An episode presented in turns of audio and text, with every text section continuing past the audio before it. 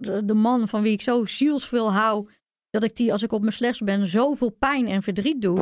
Welkom in de Pillenkast, een podcast over het leven met een psychische stoornis. En mijn naam is Rob Schaap.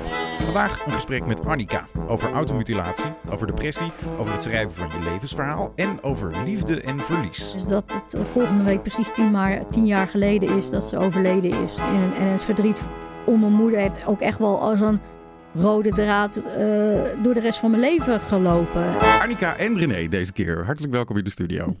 Ehm, laten we, ik wil je eerst even feliciteren namelijk, dat zei ik net al, met je boek.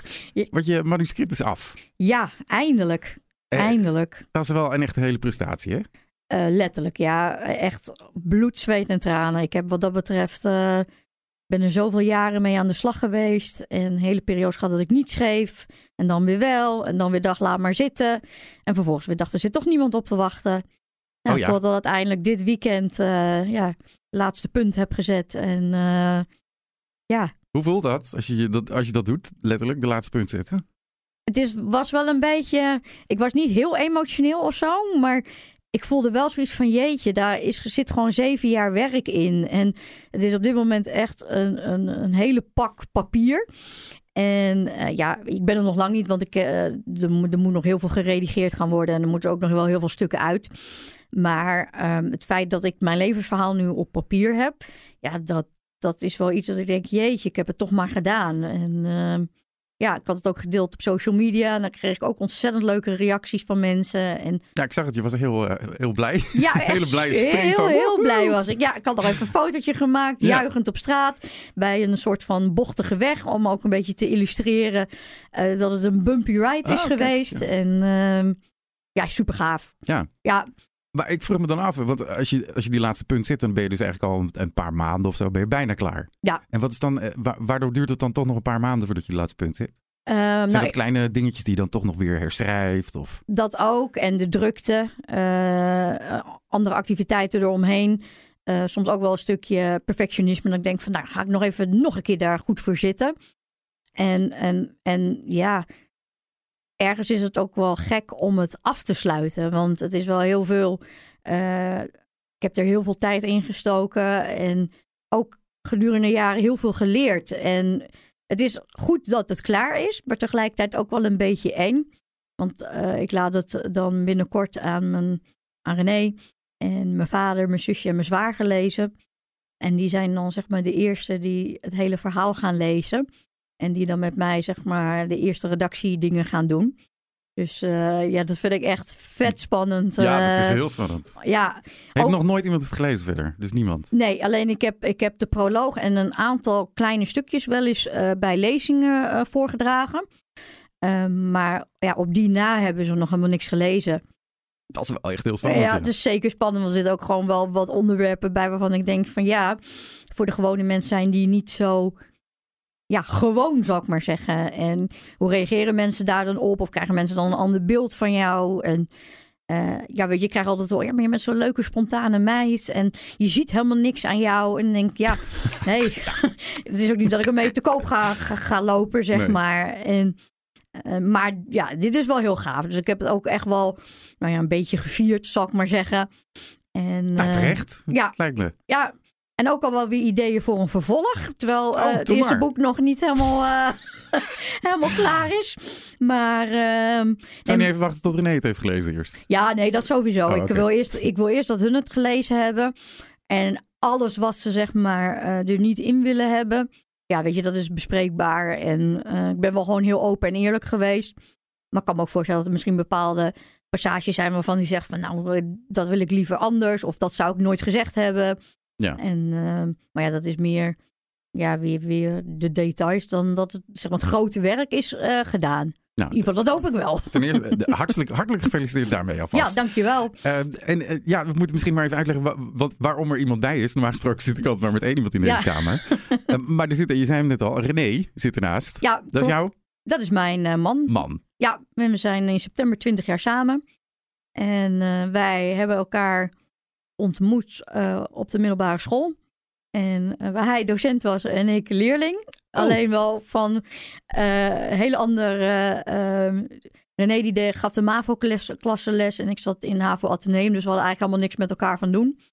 Oh, grappig. Ja, en op de jaarlijkse culturele avond, dat was een uh, festijn van school, wat er elk jaar was. En er was een muziek, dans, toneel. Het was echt een fantastisch project. En er moesten dan audities voor gedaan worden. Dus het was uh, altijd wel spannend of je wel of niet uh, door was. En ik zat dan altijd in het theaterstuk en altijd door de audities heen gekomen. Dus dat was ook heel leuk. En René die deed eigenlijk de, de videogroep, uh, die stuurde die aan. En uh, zo kwamen we eigenlijk met elkaar in contact. En uh, nou, was het gewoon leuk. Verder, verder niks bijzonders. En toen op een dag, toen zat ik inmiddels in zes ateneum, vroeg hij van, joh, hoe gaat het nou echt met je? Blijkbaar zag hij dat ik ja, misschien wat somber keek. En toen heb ik voor het eerst geantwoord dat het helemaal niet goed met me ging. En um, ja, dat, dat... Voor het eerst tegen iemand ook gezegd? Nou, eh, mijn ouders wisten het wel en er waren uh, twee docenten die ervan afwisten. Maar verder eigenlijk niemand. En, um, maar in die periode was ik al best wel weggezakt. Uh, heel veel woedeaanvallen, stemmingswisselingen. Ik beschadigde mezelf al. En um, ja, was op een gegeven moment, hoe verder het schooljaar ging, ook werd ik steeds suicidaler. En um, ja, en in die periode is René eigenlijk in mijn leven gekomen. En um, uiteindelijk heb ik wel mijn diploma gehaald. Wat wel heel wat was, want ik zat helemaal onder de Prozac en de andere pillen. En um, ja, ik kan me nu niet meer zoveel van herinneren. Nee. En, en ja, toen ben ik eigenlijk in die zomervakantie van 2001 ben ik, uh, uh, kreeg ik de keuze vanuit uh, de crisisdienst uh, dat kon blijkbaar, kon je een kliniek zelf bellen. Ik geloof dat dat nu niet meer kan. Maar ik kon gewoon zelf een kliniek bellen. Oh. Nadat mijn vader gigantisch boos was geworden. Want die had echt zoiets van, joh, hoe lang moet het nog duren voordat ze gepaste hulp krijgt? Moet ik dan wachten tot de polsen doorgesneden zijn en het te laat is?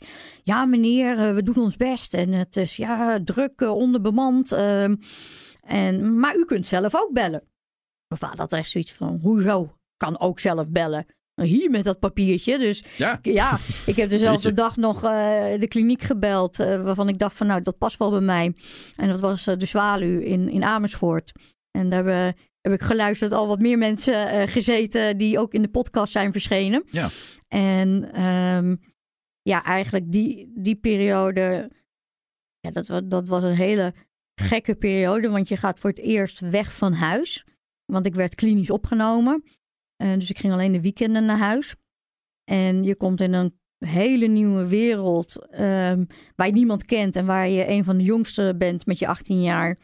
En uh, ja, ik had echt zoiets, na twee dagen wilde ik al weglopen. Ik denk, wat, wat doe ik hier? En, uh, ja, en in die periode, ik had met René gewoon contact gehouden. En um, toen ik een soort van mini-overdosis had genomen en, en mezelf helemaal opengesneden had. In de kliniek? Nee, dat was nog voor. Dat oh, was dat nog was een, ja, een, weekje, een week voordat ik de kliniek inging, ben ik helemaal doorgedraaid. En toen heb ik huilend de kliniek gebeld of ik niet een week eerder kon worden opgenomen. Maar dat deden ze niet, want opnames waren alleen op zondag, bla bla bla bla bla. Dus ja, dus dat, dat ging niet. En, uh, maar toen zeiden ze, ja, dan moet je maar iets van een noodplan gaan maken. En ja, thuis was de situatie gewoon onhoudbaar geworden. Omdat ik had eigenlijk alleen nog maar ruzie met mijn moeder en mijn zusje en mijn vader. Want mijn ouders waren, zijn gescheiden. Um, en mijn vader moest als een soort van scheidsrechter uh, dan maar weer de boel glad strijken. Als, en dan ja, er was in ieder geval een heel gedoe, heel veel spanning. Iedereen liep ook op zijn laatste end. En uh, de angst voor, voor een suïcidepoging was best wel groot. Dus um, op een gegeven moment werd er gezegd van ja, misschien... Bij jou ook trouwens, even tussendoor. Voelde je dat zelf ook? Ben ja. je er ook bang voor dat het zou gebeuren? Nou, dat je de controle zou verliezen? Ja, ik heb wel... Ik heb een keer bij de spoorlijn gestaan en gedacht, er kwam een Intercity voorbij. Ik denk, als ik nu gewoon een stapje naar voren doe, dan is het klaar. En ik moet, kan me nog goed herinneren dat ik op mijn veertiende, toen ik uh, met mijn ouders en, en, mijn zusje op vakantie was, uh, dat ik een berg op ben geklommen en naar beneden keek en dacht van, nou, als, het, als ik het echt niet meer uithoud, dan kan ik altijd nog springen en dan is het ook klaar. En dan ben je pas veertien.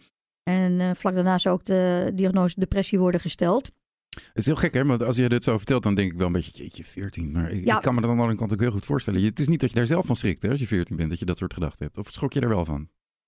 Nee, ik schrok er niet van, omdat op de een of andere manier heb ik me altijd, uh, zeker op de basisschool, altijd heel leeg en eenzaam gevoeld. Ondanks dat je met wel vrienden had en in een klas zat. En dat, die zwaarte is er altijd geweest. En ik heb ook altijd woedeaanvallen gehad.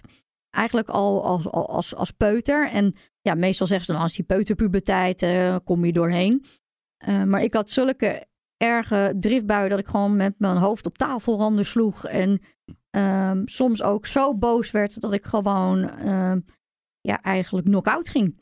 En dan lag ik uh, 24 uur uh, te slapen of 48 uur te slapen. En dan werd ik weer wakker en dan was ik weer oké. En mijn ouders die schrokken daar heel erg van. Dus die hadden zoiets van, ja, wat moeten we hier nou mee? En de huisarts zei, nou, daar groeit ze wel overheen. Maar ja, dat uh, is, niet helemaal, is niet helemaal gebeurd. Zal ik maar zeggen. ja. Het zijn ook geen kleine dingetjes hè, die je dan zo hebt. Maar ja, daar, daar komt ze wel weer overheen. Geef ja, het een paar nee, jaar. Het, ja, ja, nee, zo werd het echt gezegd. Dus ja, ik kan er nu wel om lachen. Omdat, je, omdat ik nu inmiddels zo ver in mijn proces ben. Maar toen de tijd dacht ik van ja... Uh, hè, toen als 14, 15 jaar. En denk ik, jeetje, waarom ik nou weer? En... Um, ja. En dan heb je ook helemaal niet de zin om te wachten op een paar jaar, zodat het misschien wel een beetje nee, minder wordt. Nee, uh, nee het is uh, absurd. Ja. Maar um, het, er, de, toen was. Oh René, ja, ik was met. Ik ben een beetje. Toen was René daar in je leven. Nee, ja, ja, vertel ik verder. Ik luister gewoon uh, naar je. nou, René was. die ging ook mee de dag dat ik opgenomen werd. Dus dat was best wel. mijn ouders gingen mee, mijn zusje, haar vriendje en René. Dus dat was vol in de auto. En. Um, Wacht even, toen, die, toen je opgehaald werd, ging René mee? Nou, toen ik zeg maar naar de kliniek ging, uh, dat, dat mijn opname startte. Dus toen was het contact al zo goed dat, ja, dat jullie ja, al... Oh ja, want ik, nee, ik, ik ga helemaal van, ja, van hak op de tak. ja, ik had dus die, die, die, hè, um, die, die bui gehad, waar, waarbij ik mezelf had gesneden en te veel pillen had genomen. En toen moest ik een noodplan maken. En omdat het ja, bij mijn ouders niet meer ging en voor de rest, nou ja, bij, bij, bij vrienden uh, leek me nou niet helemaal handig met de hele materie om daar te zitten. Dus op een gegeven moment uh, dacht ik van, goh, uh, misschien kan ik een paar dagen bij, bij René logeren. En, en, we waren inmiddels al een aantal dagjes uit geweest. En we hadden gewoon wel heel uh, goed contact gehouden.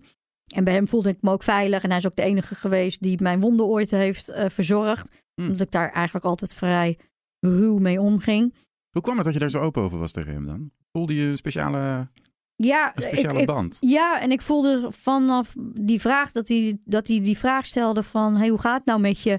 En dat ik daar eerlijk op reageerde, was er zo'n um, gevoel van een, een, klik. En, en iets dat ik zoiets had van... Hey, hij, hij weet er ook, hij heeft ook wel zijn dingen gehad. In ieder geval, dat kon ik heel erg proeven uit hoe hij reageerde. Heel meelevend, heel inlevend, lief en, en ook niet veroordelend. Even tussendoor, René, als je iets wil zeggen, dan, uh, dan moeten jullie, het is maar één microfoon, dus jullie moeten maar een beetje met elkaar uh, uitmaken wie die microfoon Moet je me maar even aantikken of zo. Uh. Precies. Sta vrij in ieder geval. Ja. En ja, dus, dus we hadden best al wel een band ontwikkeld. En ik vond het ook fijn dat hij meeging naar de kliniek om me weg te brengen. alleen dat moment van afscheid nemen, dat was echt hartverscheurend. mijn moeder begon als eerste te huilen. Ja, daarna mijn zusje, René. Uh, ik dacht geloof dat mijn vader de enige was die droog heeft gehouden. En uh, ja, dat was... Ja, ik stond daar in, in die... Ik zie het nog zo voor me in die deuropening. En ik zag die auto wegrijden. En ik dacht, ik wil mee. Ik ga nog beter mijn best doen. Het valt toch allemaal wel mee. En nou ja... Voelde het als een straf? Dat je daar naartoe moest? Nou, niet zozeer als een straf, maar meer dat ik dacht van, maar zo erg is het toch ook wel weer niet. Hè? Ja. Dat ik in een kliniek met allemaal vreemde mensen moet zitten en uh, daar uh, het komende jaar uh, aan de slag moet. En ik moet ook eerlijk zeggen, de eerste dagen was ik ook echt wel, dacht van, mijn god, waar ben ik beland? En ik, ja, ik was pas 18, ik wist helemaal niet zoveel van de psychiatrie af. En dan zit je opeens in een groep van 24 mensen die allemaal zo hun eigenaardigheden hebben. Mm -hmm. En ja, het, laat ik het zo zeggen, het zijn dertien hele bijzondere maanden geworden. 13 maanden? 13 maanden, ja. Um, ik heb daar zoveel geleerd, uh, maar ook zoveel meegemaakt en zoveel gezien. Ja, dat, dat, ja, dat is iets wat, wat ik mijn hele leven mee zal dragen. En ondanks dat het ook een plek was waar, waar het zwaar was en verdrietig en moeilijk, kijk ik wel met een heel goed gevoel terug op die opname. En was dat even voor mijn begrip, was dat ook uh, 13 maanden lang non-stop? Of mocht je ook naar huis? Alleen in de weekenden naar huis. Oké. Okay. Ja, uh, dus ja, dus dat was wel, wel prettig dat ik in ieder geval de weekenden eh, dan thuis kon zijn.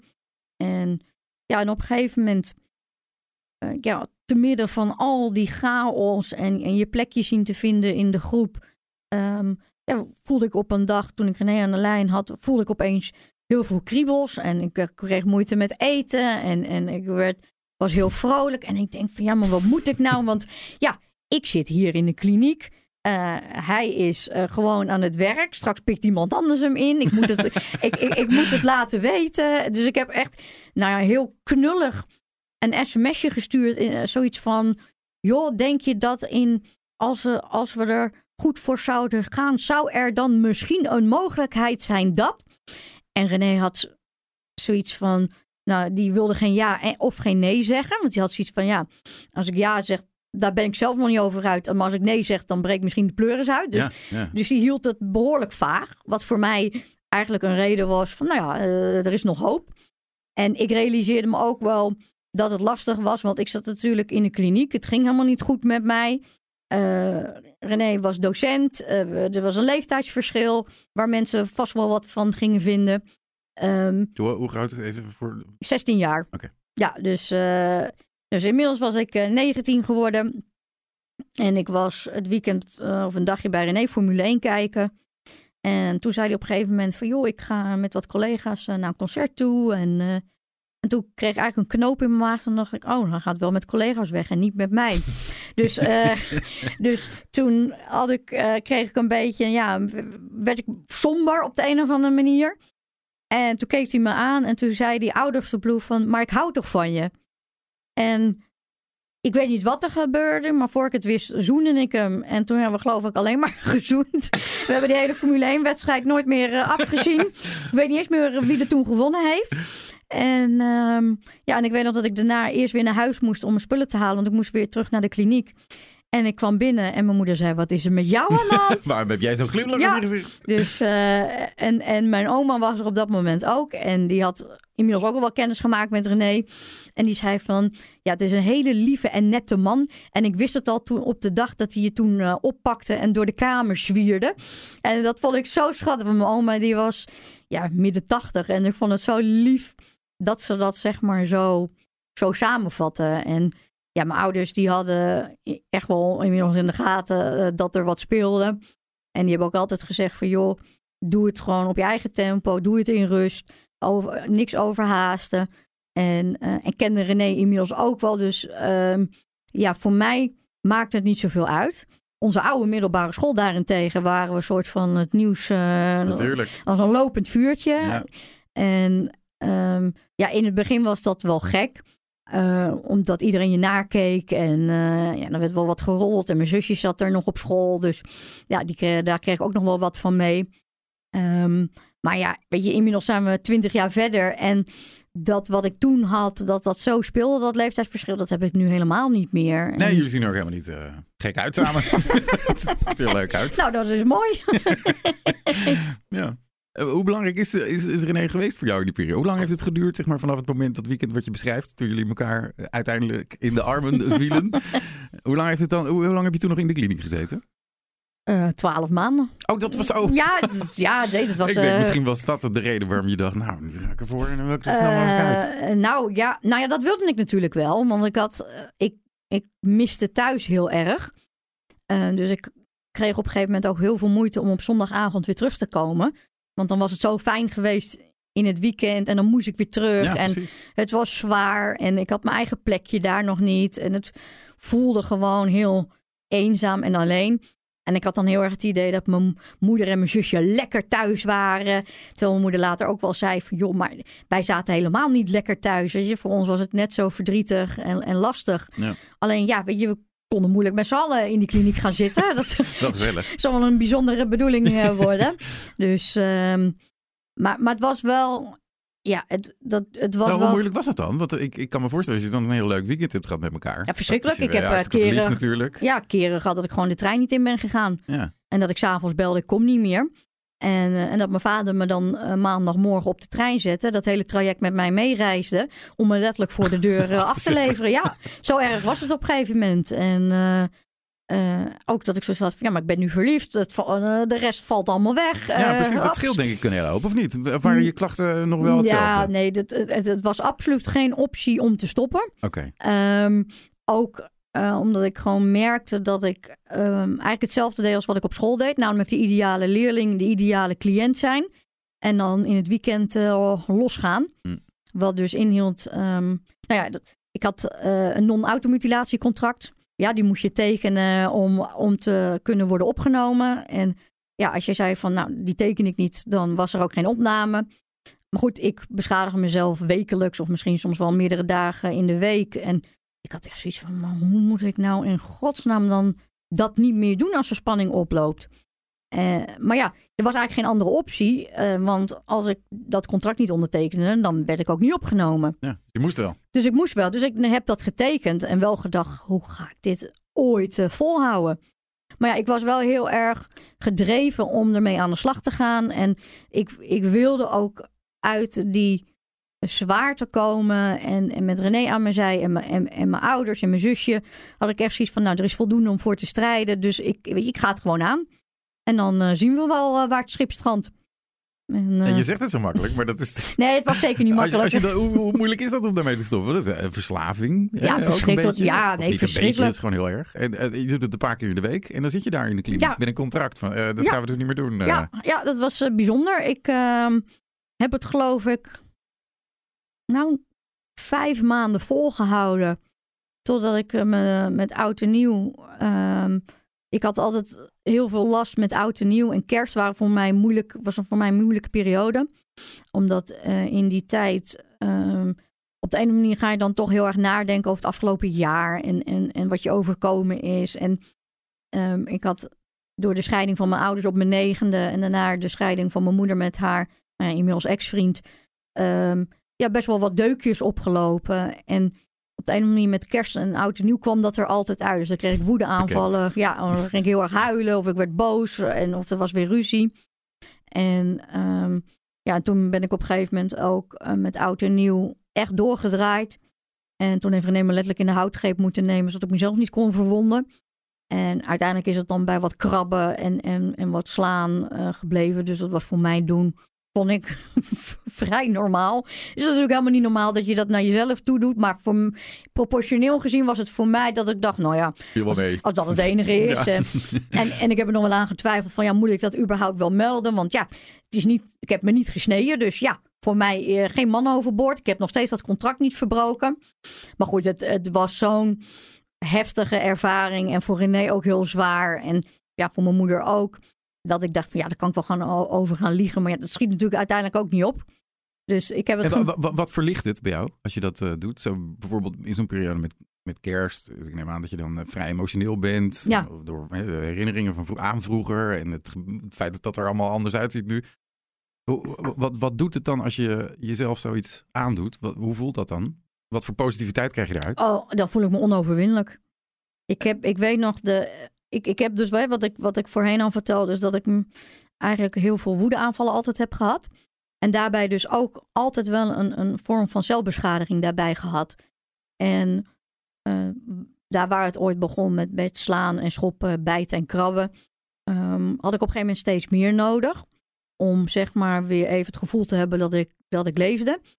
En Dus letterlijk om te voelen. Om, om- ja, op, in eerste instantie wel. En op een dag da- was ik, had ik met mijn hoofd gebonkt. En ehm, maar dat, die pijn appte eigenlijk ook veel te snel weg. En toen ben ik eigenlijk in huis op zoek gegaan naar iets scherps. En toen dacht ik van, hé, hey, we hebben op zolder een gereedschappenkist. Daar ligt een Stanley mes in. En ja, ik ben in een waas daar naar boven gegaan. Heb dat ding eruit gegrist. Ben weer naar mijn kamer gegaan. Heb nog eens daarna gekeken. En vervolgens eh, eigenlijk mijn hele arm open gehaald. Hoe kom je op dat punt dan? Wist je dat er, dat, dat bestond? Het feit dat je dat Nee. kon doen? Maar Nee, nee. een raar idee om dan Ja. opeens een mes te. Want, Ja. hè, dat is, Ja, het nee, is niet eh, raar, want heel veel mensen doen dat. Dus ik bedoel het niet op die manier raar. Maar het is wel iets dat je zo hè, bedenkt. Oh, dan ga ik dat doen. Ja, nou, het was eigenlijk dat ik denk van laat ik dat eens uitproberen. En op dat moment, ehm, en dat is denk ik wel belangrijk om te vertellen, was zeg maar de zelfhaat zo groot. Ik walgde echt van mezelf en ik vond ook dat ik gestraft moest worden. En hoe harder, hoe dieper, hoe beter. Hm. En um, dus ik denk dat die zelfbeschadiging heel tweeledig was. Enerzijds uh, om zeg maar, uh, als ik in mijn piek van mijn emoties zat, om, om dat zeg maar daar weer wat mee te kalmeren. En tegelijkertijd ook om, om, om ja, mezelf helemaal kapot te maken. En uh, ja, en dat, dat voelde dan echt, nou ja, tijdelijk heel goed. Totdat je dan op een gegeven moment naar beneden komt en je moeder je aankijkt en, en de pijn in haar ogen ziet en je zusje helemaal ziet inkrimpen. Dan realiseer je van, oh ja, dit is niet heel gezond gedrag. Maar dat realiseer je dan wel, maar dan doe je toch twee dagen later bijvoorbeeld, doe je het weer. Ja, dat is veel te sterk. In, in, in ieder geval toen al. En ik moet ook eerlijk zeggen dat, dat jezelf snijden, dat dat inderdaad echt wel verslavend is. En dat daar uh, ja, wel wat stofjes vrijkomen ja. in je hoofd, waardoor je je ook even lekker voelt en het idee hebt dat je onoverwinnelijk bent. En ja, dat. dat... En daarna een soort van rust in ja. uh, kanten ervaart. Ja, en, en, en ook heel um, gebiologeerd naar dat bloed kan kijken en naar die wonden. En het liefst nog. Uh, ja, ik heb me bijvoorbeeld ook nooit laten hechten, terwijl er echt wel sneden tussen zaten die gehecht hadden moeten worden. Maar ja, dat. dat, dat um, ja, stond ik mezelf allemaal niet toe. Waarom, waarom zou ik, uh, ik was toch niks waard. Waarom ja. zou ik dan überhaupt uh, mezelf naar, naar, naar zo'n eerste hulp heen sleuren? Met allemaal rare blikken. Want ik, ja, ik realiseerde me ook wel dat het niet gezond is dat je als 18-jarige je hele arm opensnijdt als het je dat te veel wordt. Dat realiseerde je wel. Ja. Alleen niet op het moment dat je het nee, doet. Nee, nee, nee. Ik, wat dat betreft had ik altijd wel heel goed in de gaten wat er met me gebeurde. Maar als ik dan op een gegeven moment in zo'n roes raakte richting de zelfbeschadiging, dan was ik gewoon alle controle over mezelf kwijt. En um, ja, ik denk dat die zelfbeschadiging um, wel een van de moeilijkste dingen voor mijn familie is geweest. Uh, omdat ze letterlijk zien ja. hoe ik me kapot maakte. En ik heb een nichtje van tien. En uh, toen ze vijf was, vroeg ze van... Uh, Tante wat zijn die streepjes op jouw arm? En, en daar heb ik toen voor het eerst in kindertaal zeg maar wat over gezegd. En ja, inmiddels is ze tien. En het idee dat zij haar lichaam ook zou bekrassen of, of, of zou snijden. Uh, omdat ze zich rot voelt. Ja, dat, dat kan ik haast niet verdragen. En mijn zusje zei laatst ook nog van... ja, maar dan realiseer je nu pas wat het met ons heeft gedaan. Wat het met ons deed. Dat, hè, we houden heel veel van jou. En we zien tegelijkertijd hoe je jezelf helemaal stuk maakt. En Ja. we kunnen er niks tegen doen. Maar ook dat je kan zien, eh, ik denk, maar als ik me dat een beetje verplaats, was ik voor zou stellen dat mijn dochter zoiets zou doen op een latere leeftijd. Dat het ook gewoon zo vervelend is dat je er niet bij kan. Ja, Het is zo donker en zo zwart en gat zo- waar iemand in ja, zit. en zo- ongrijpbaar. ja, je kan iemand niet helpen gewoon. nee, nee, nee. En, en eh, hè, soms wordt het nog wel eens gezegd, nou, mensen snijden voor, voor de aandacht. Maar ja, daar ben ik het absoluut niet mee eens. Nee. Want ik liet het ook aan niemand zien. Nee. Dus er valt geen aandacht mee te krijgen, want niemand wist het. Bovendien was het elke keer ook best wel weer een drama als ik me gesneden had. Want ik probeerde dat dan nog wel een beetje te downsizen of gewoon helemaal niet te noemen. Maar ja, het kwam, vroeg of laat kwam het altijd wel weer uit. En eh, ja, zeker mijn moeder heeft daar eh, ja, wel heel erg onder geleden. En uitte dat ook eigenlijk in boosheid in plaats Kon je van daar toen verdriet. wel met je moeder over praten ook? Nee, dat, dat ging niet eh, heel soepel. Ik weet nog dat de eerste keer dat ik me gesneden had, dat ik naar beneden liep. En toen keek ze me aan en toen zei ze: Jeetje, wat ben jij ziek? En dat, nou, ik had het idee alsof ik een klap in mijn gezicht kreeg. En ik heb me omgedraaid en ik ben weer terug naar boven gerend. En had eigenlijk de neiging om me gewoon nog maar verder open te snijden. Omdat zij eigenlijk zei datgene wat ik ook dacht. Ze Namelijk van, bevestigde eigenlijk. Ja. ja. en ik heb pas jaren later van mijn zusje teruggehoord. Dat ze, eh, nadat ze dat gezegd had, eigenlijk in huilen is uitgebarsten. En mijn god niet meer weet hoe ze daar om- mee om moest gaan. Ja, ik kan me voorstellen. Ja. moeilijk. Wat moet je zeggen? Ja, alleen ik heb dat dus nooit geweten. Dus ik heb altijd die opmerking heel erg eh, bij me gehouden. Van ja, mama snapt het niet. En, Ja, ja, en eh, wordt alleen maar boos, gaat alleen maar schreeuwen. Terwijl eigenlijk ze er onmacht helemaal nergens kwijt kon. Weet je, het is misschien een beetje een rare vraag, maar als je nou je verplaatst in, eh, in ouders. Want je bent nu wel op een punt waarop je een beetje kan reflecteren en er, zoals ik hoor, goed op kan terugkijken. Zijn er dan dingen die je zou kunnen zeggen tegen ouders hoe ze met zo'n probleem moeten omgaan als een kind zoiets doet? Nou ja, ja, ik denk dat dat voor iedereen verschillend is. Maar ik zou vooral niet gaan schreeuwen. Ja, ik zou ook niet zeggen van nou, eh, eh, dit moet je niet doen, je moet ermee stoppen. Eh, want dan wordt de druk meteen zo ontzettend, opgevoerd. Je, ik heb nog steeds dat als ik een heftige emotie ervaar, dat mijn eerste impuls is zelfbeschadiging. En gelukkig heb ik nu geleerd van Dat was vroeger een optie, maar ik heb inmiddels meer opties. Alleen iemand zeggen die, die zichzelf al, al tijden eh, beschadigt, van nou dan moet je nu mee stoppen, dat, dat gaat helemaal niet werken. En je- ik, ik denk dat vooral eh, om veiligheid en vertrouwen, dat, iemand, dat je het met iemand kan bespreken en over kan praten. Eh, Maar het, het klinkt misschien gek, maar als die drang nou bijvoorbeeld zo sterk is, is het dan iets wat je bijvoorbeeld samen. eh, ik zeg al, misschien is het een hele stomme vraag, maar dat je dat gewoon samen doet. Dus dat je als vader of moeder gewoon naast je kind zit en probeert het een beetje te begeleiden of te, In, in, het het, niet te erg laat worden, op zijn minst. in, in dat proces. Ja, dat als je als kind, als, als, je, als jij bijvoorbeeld als kind zo sterk die behoefte had gehad om te snijden, dat Nou, je moeder gewoon had gezegd, nou, nou ik, zullen we ik, samen even gaan zitten? Of... ik denk dat dat een volslagen bloedbad was geworden.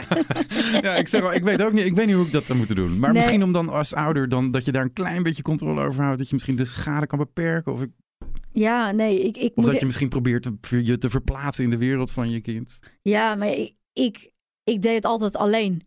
Eh, nooit waar echt waar, waar niemand bij was, waar niemand het zag. Ehm, ja, ik, ik, ja, ik kan me nog wel de gevechten herinneren die ik met René had. Dat hij me dan, als ik slecht ging eh, en, en, en naar de keuken liep, dat hij me al, al vastpakte. En dat we soms uren spartelend op de grond hebben gelegen, omdat hij eh, zoiets had van, nee, maar ik hou het tegen. Mhm. En dan eh, na twee, drie uur vechten, eh, hij op een gegeven moment helemaal moe gestreden. En dan pak je alsnog dat mes en dan doe je het. En ehm, eh, ja, Mag ik vragen hoe dat voor René was? ja, tuurlijk. Kom Als, je, jij... als René dat wil vertellen. had René... Ja, je kan hem gewoon eh, naar je toe trekken. Oh, sorry René, wacht even. Oh, is René... eh, Een beetje een half los kabeltje. Ja, dat was eh, heel zwaar. Ja. Ik bedoel, ehm, je wil niet zien dat iemand zichzelf pijn doet. En dan hou je er tegen. En dat is soms uren geweest. En dan op een gegeven moment, ja, je moet op een gegeven moment ook stoppen. En dan, En dat doet ze toch? dan doen ze het toch. Hoe, maar hoe- En- dan voel je dan niet totaal machteloos? Klopt. En later, zeg, als, als je, dat is het beste als je een bui ziet aankomen. Want soms zie je het aan de ogen. Als de ogen op een bepaalde manier gaan staan, dan zie je van dat er een bui aankomt. Dan eh, is het zoiets van, eh, zou je niet iets eh, innemen? Nee, dat is even een, een oxazepam, daar wordt ze wat rustiger van. Zou je dat niet innemen, want dan, eh, dan kan je het voorkomen. En, eh, maar op het moment dat het te ver is, dan is er niks aan te doen. Gaat ze toch. Ja, dat is dat- heel zwaar. Ja, dat lijkt me, daarom wil ik het voor Ja. jou vragen, je zit er toch bij. Dat lijkt me inderdaad heel zwaar. En, en eh, luister je nu, of nou ja, nu, ik weet niet, hoe- is het probleem er nog steeds? Want je zei, ik heb af en toe nog wel, ik weer even terug naar jou, ja, sorry. Dat is Ja, wel ja. volgende keer gewoon twee microfoons Ja. neerzetten, godverdorie. Ehm, ik moet eerlijk zeggen dat eh, daar waar het vroeger zeg maar al best wel lopende bandwerk was, eh, qua zelfbeschadiging, ehm, is het nu echt een stuk rustiger. Ik moet eerlijk zeggen dat ik ehm, bijna geen woedeaanvallen meer heb, wat ook inhoudt dat ik ook bijna niet meer aan zelfbeschadiging doe. Ik heb bijvoorbeeld wel in november heb ik echt mijn laatste woedeaanval gehad en toen heb ik me voor het eerst ook weer beschadigd. Niet met een mes, dus voor mij was dat al eh, ja, ergens toch wel winst, zeg maar. Ehm, maar ik merk dat als er te veel gaat spelen. ehm, ik had bijvoorbeeld eh, in die periode de verjaardag van mijn moeder. Maar mijn moeder die is ja, tien, jaar, tien jaar geleden overleden. Dus dat, dat ligt heel, heel, eh, doet heel veel met me. Uh, René's moeder lag kritiek in het ziekenhuis. Ik werd ziek. Mijn zusje kreeg corona. En dan Mm. gaat gewoon het licht uit. En dan op een gegeven moment ga ik s s'nachts leven. Maar goed, René die wil wel gewoon eh, rond eh, middernacht naar bed. En dan ga ik de hele boel afbreken. En dan kan ik mezelf ook niet meer stoppen. Nee, En- dan kan je dus niet denken, ik ga ook gewoon st- straks, ik neem Nee. een pilletje, ook Nee, nee, ik- en dan ga gewoon om twaalf Nee, ik was toen al te ver heen. En ik had heel erg... Ja, dat klinkt misschien heel lelijk. Maar ik had het idee van, van... Maar, en ik dan? Want René was heel veel weg naar zijn moeder. Wat ik snap, want die lag kritiek. Maar ergens het kind in mij had zoiets van... Maar ik Hmm. word in de steek gelaten. En nou, dat, dat gaf zo'n golf aan zelfhaat. Dat ik denk van jeetje, Annika, wat denk je wel niet dat de hele wereld om jou draait? En eh, wat een slecht mens ben jij. En René moet gewoon maar bij je weg. En, eh, ja, en op een gegeven moment gaat dan het licht uit. En eh, toen heb ik een nagelschaartje gepakt en mezelf opengekrast. En ehm, daarna heb ik geloof ik nog acht oxazepam er binnen gewerkt. Zodat ik zoiets had van nou, dan slaap ik in ieder geval. Ehm, en als ik daar nu op terugkijk, dan denk ik, mijn god, dat is echt een compleet ander persoon dan dat als ik normaal, zeg maar, eh, ben. Ja. Voor zover ik überhaupt normaal ben. Maar ehm, Dat is een hele andere ik hou, discussie. ja, ja, dat is weer een andere discussie. Maar, eh, maar ik, wat ik wel heel erg heb, is de, de schuldgevoelens. Eh, die zijn tegenwoordig zo groot dat het ook verhindert dat ik mezelf beschadig. En mijn vader is daar al helemaal blij mee. Die heeft zoiets van, ja, wat ook de reden is. Het feit dat het dan eh, niet voorkomt. Snap ik. Ehm, en die zei ook letterlijk toen ik dat had verteld van november van joh, ik wil de eerstkomende vijf jaar niet weer zo'n telefoontje krijgen. En ehm, ja, en dat is denk ik ook wel Dat is toch nog wel moeilijk om te horen, denk ik. Ja, Want dan voelt het toch wel eens een beetje zoals een verlies. ja, aan de andere kant ehm, snap ik ook heel goed. eh, Ik heb zeg maar een periode van 16 jaar gehad dat ik heel intensief in therapie heb gezeten. Van deeltijd, opname naar eh, individueel. Ehm, waarin zelfbeschadiging best wel heel lang een grote rol heeft gespeeld. Dus op het moment dat ik mezelf dan weer eens beschadig, dan komt er denk ik zoveel van vroeger ook weer omhoog bij hun. En ik denk bij, bij jou ook, Dankjewel, eh, René. René. Oh. René zet de microfoon een stukje dichterbij. Wil jij daar nog wat over vertellen? Nee? Nee, dat hoeft niet. Nou, dat, dat, dat die schuldgevoelens tegenwoordig zo eh, heftig is. En eh, ik kan me nog een beeld herinneren van René die eh, letterlijk huilend op de trap zat. Ik hem voorbij glip, een mes pak en, en, en mezelf beschadig. Hmm. En, en dan op een gegeven moment kom ik weer een beetje uit die roes. En, en ik kijk en dan zie ik René daar helemaal gebroken op die trap zitten. En dan denk ik ook, jezus, wat ben jij een, een verschrikkelijk mens. En ehm, Maar is- denk je dat, voordat je die trap, dus als je langzaam loopt met dat mes in je hand, en je, dan heb je op dat moment gewoon totaal scheid aan dat Ja. hij daar zo verdrietig om is. Ja. Voel je niks bij. En pas daarna, als, als zeg maar de wonden er zijn en je weer een beetje bijkomt, dan denk je bij jezelf, ja, weet je, er komen de meest verschrikkelijke gedachten omhoog. En ik ben sinds dat ik opgenomen ben eh, in de kliniek eigenlijk nooit meer suicidaal geweest. En ik zie mezelf ook niet als suicidaal, maar op zo'n moment zou ik in staat zijn om mezelf wat aan te doen. Ik heb wel eens gehad dat ik denk van nou, ik eh, ren naar de zolderverdieping en ik laat me gewoon uit het raam vallen. Dan is het ook klaar. En ehm, ja, in ieder geval een fractie van die zelfhaat, als dat al omhoog komt. eh, ik, ben wat dat betreft echt wel gegroeid. En ik heb misschien nog niet zo'n heel positief zelfbeeld, maar eh, het is al honderd keer beter dan het ooit was. Ik ben een, stuk liever voor mezelf, luister beter, laat me ook door anderen eh, aansporen om bepaalde dingen anders te doen. Eh, maar als ik dan op een gegeven moment in zo'n zo'n bui zit, ja, dan, dan ben ik gewoon kansloos. Ja. En, en, en ja, Denk je dat dat blijft? Dat je daar last van blijft houden? Ehm, ik ik denk, denk het wel. Maar wat ik wel merk is dat de periodes ertussen steeds groter en groter worden. Het feit dat ik eh, in november me voor het laatst beschadigd heb. Je, het, is, niet meer iets wat aan de lopende band gebeurt. En ehm, Mag ik daar eens op terug? Want dat, dat interesseert me ook wel heel erg. Dat je dat dus het zo vaak de- deed in de week eigenlijk. En toen je dus naar die kliniek ging, toen nou, mocht, het, mocht niet meer. Moest je Nee. contract tekenen. Nou, mag niet meer. ja, En dan doe je het maar niet meer. Hoe, hoe, ik, ik vind dat heel eh, ja, dit is nou, heel, knap en zo. Ook al die dingen. Maar ik, ik snap het ook niet zo goed. Nou ja, dat, dat is wat ik in mijn lezingen ook wel heel erg eh, wil meegeven aan, aan, aan lotgenoten, maar ook naasten van mensen met borderline eh, of, of in ieder geval over zelfbeschadiging. Ehm, in de kliniek mocht het niet. Dus eh, je gaat op een gegeven moment naar andere manieren kijken. om, om zeg maar met die spanning die zich opbouwt in je lichaam, om daarmee om te gaan.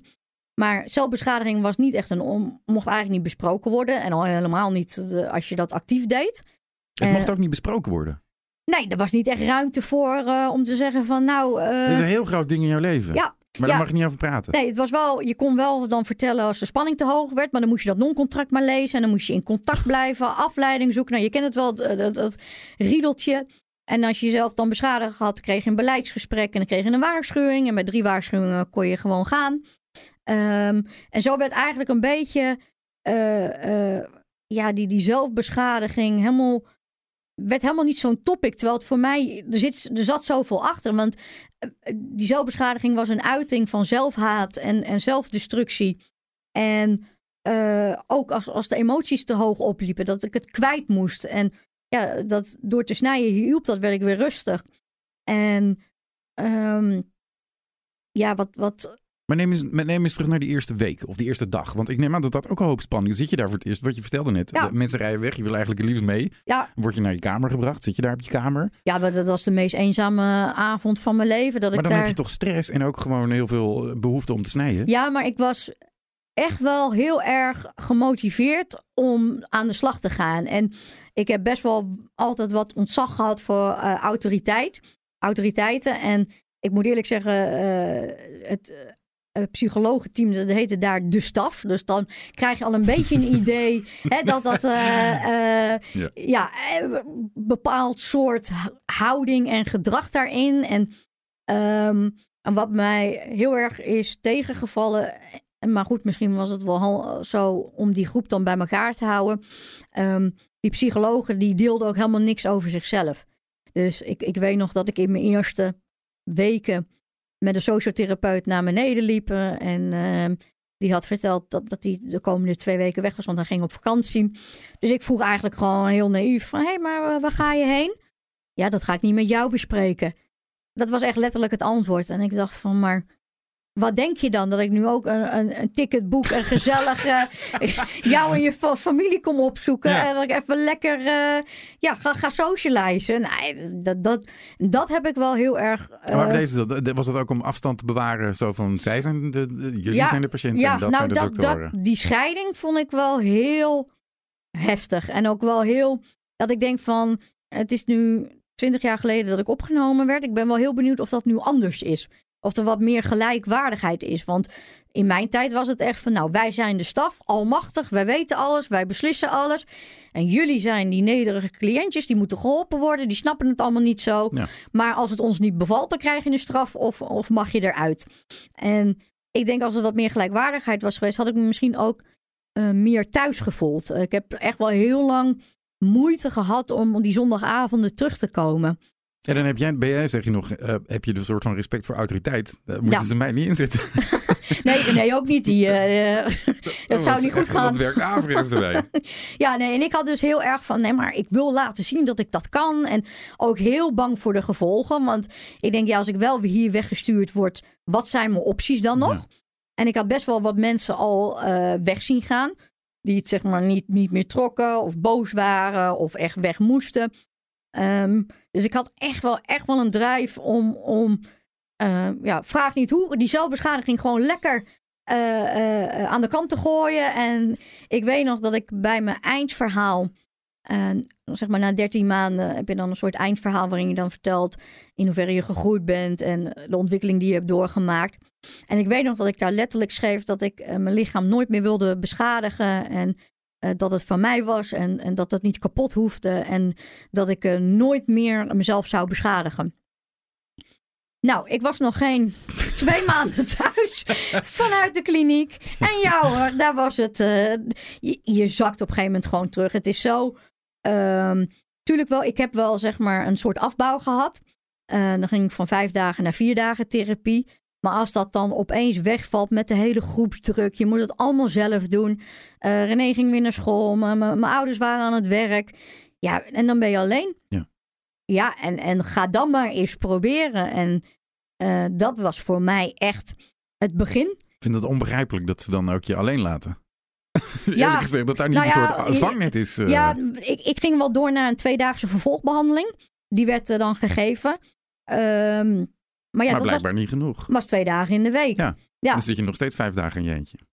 En we moesten daarnaast wel eh, vrijwilligerswerk doen om zeg maar een beetje eh, eh, ja, in de maatschappij mee te draaien. Dus dat was wel heel leuk, want ik kon bij de Flevopost, de plaatselijke krant, kon ik, eh, mocht ik verder artikelen schrijven. En ik schreef al voor de jongerenpagina. Dus ik had ook een heel goed contact met de journalist die daar werkte en dat hele team aan eh. Dus het was eh, hartstikke leuk dat ik dat kon doen. Maar ja, omdat die zelfbeschadiging zo boven, boven me hing. eh, ja, weet je, dat ging op een gegeven moment gewoon door. En het ergste is nog geweest dat ik zou na die tweedaagse vervolgbehandeling, die duurde een half jaar. En daarna zou ik teruggaan naar Lelystad en zou daar zeg maar eh, hulp ambulant zeg maar verder gaan. En dat zou elkaar nou ja, na elkaar komen. Maar je begrijpt, dat ging dus niet goed, want het is de GGZ. Dus uiteindelijk eh, ja, heb ik Ging dat niet goed? even kijken, ik denk een half jaar helemaal niks gehad. Nou, en toen is het eigenlijk in razend tempo uh, achteruit gegaan en was ik uh, eigenlijk weer terug bij af. En René en ik woonden op een gegeven moment al samen. We zijn in 2005 zijn we uit elkaar geweest een tijd. En in 2007 zijn we een tijd uit elkaar geweest. Dus dat geeft wel aan hoe heftig het was. En hoe erg uh, ik toen op mijn tandvlees liep. En uh, net toen ik weer een beetje lucht begon te krijgen. Toen uh, werd mijn moeder ernstig ziek. Ja, en toen ging mijn, mijn, ja, eigenlijk mijn eigen leven weer op de handrem. Voor zeven jaar. Voor zeven jaar? Voor zeven jaar, ja. Ja. Jeetje mina. Ja. Dus je was toen eigenlijk net een beetje op het pad. Ja. Het ging net een beetje beter. Ja. Ja, ik was begin twintig. En uh, dus we dachten in eerste instantie dat mijn moeder uh, depressief was. Omdat ze ook best wel veel van die symptomen had. Uh, ze, was heel gejaagd en, en, en, somber. En, en uh, ze had een, op het werk ging het uh, niet meer goed. Wat heel gek was, want ze deed altijd met heel veel plezier de werk. Ze was secretaresse bij het provinciehuis. En op de een of andere manier deed ze gewoon raar. En mijn zusje woonde toen nog thuis. En die gaf ook wel aan van ja, ze rookt en drinkt ook veel meer dan normaal.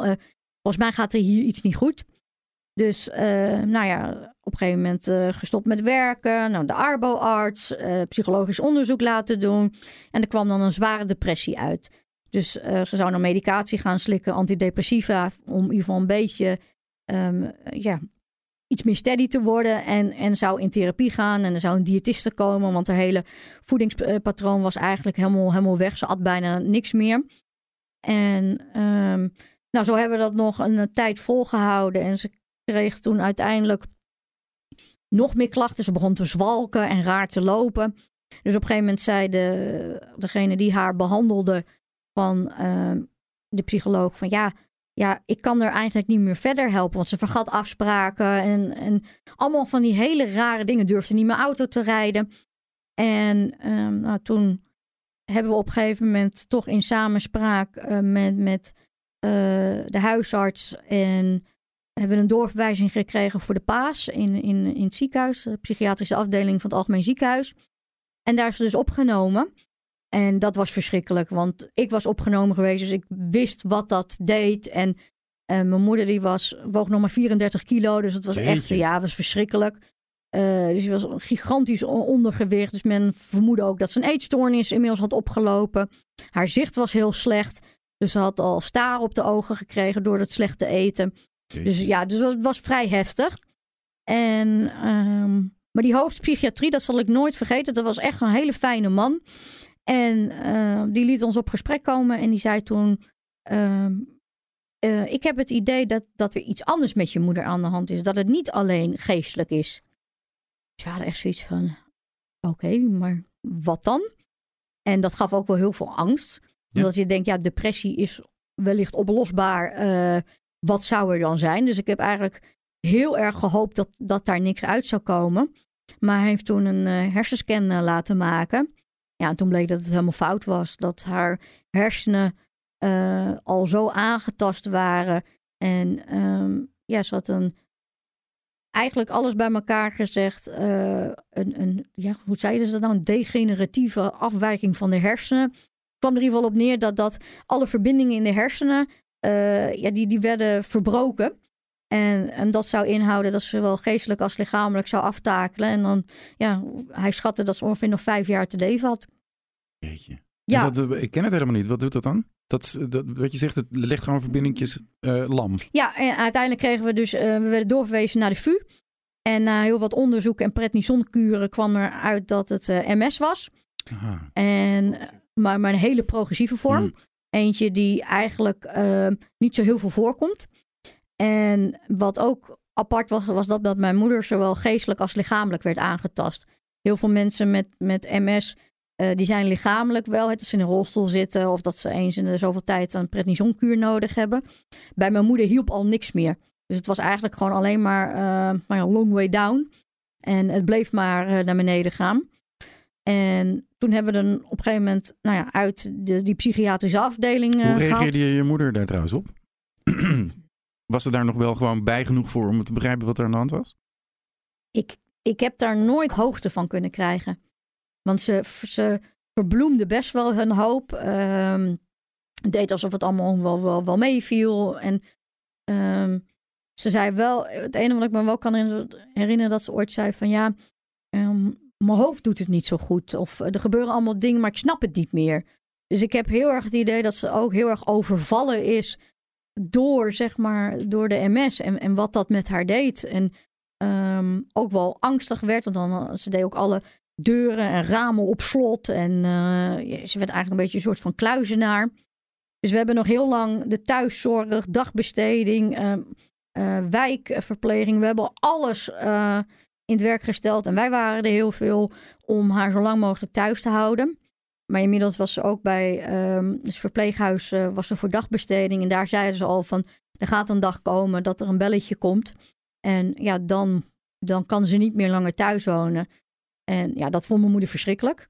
Dat was echt. Uh, dus op mijn, ik geloof, 23e verjaardag, zal nooit vergeten, ging de telefoon. En ja, dat was het gevreesde telefoontje. Hm. Van uh, ja, je moeder moet opgenomen worden. Het, het, kan niet meer zo.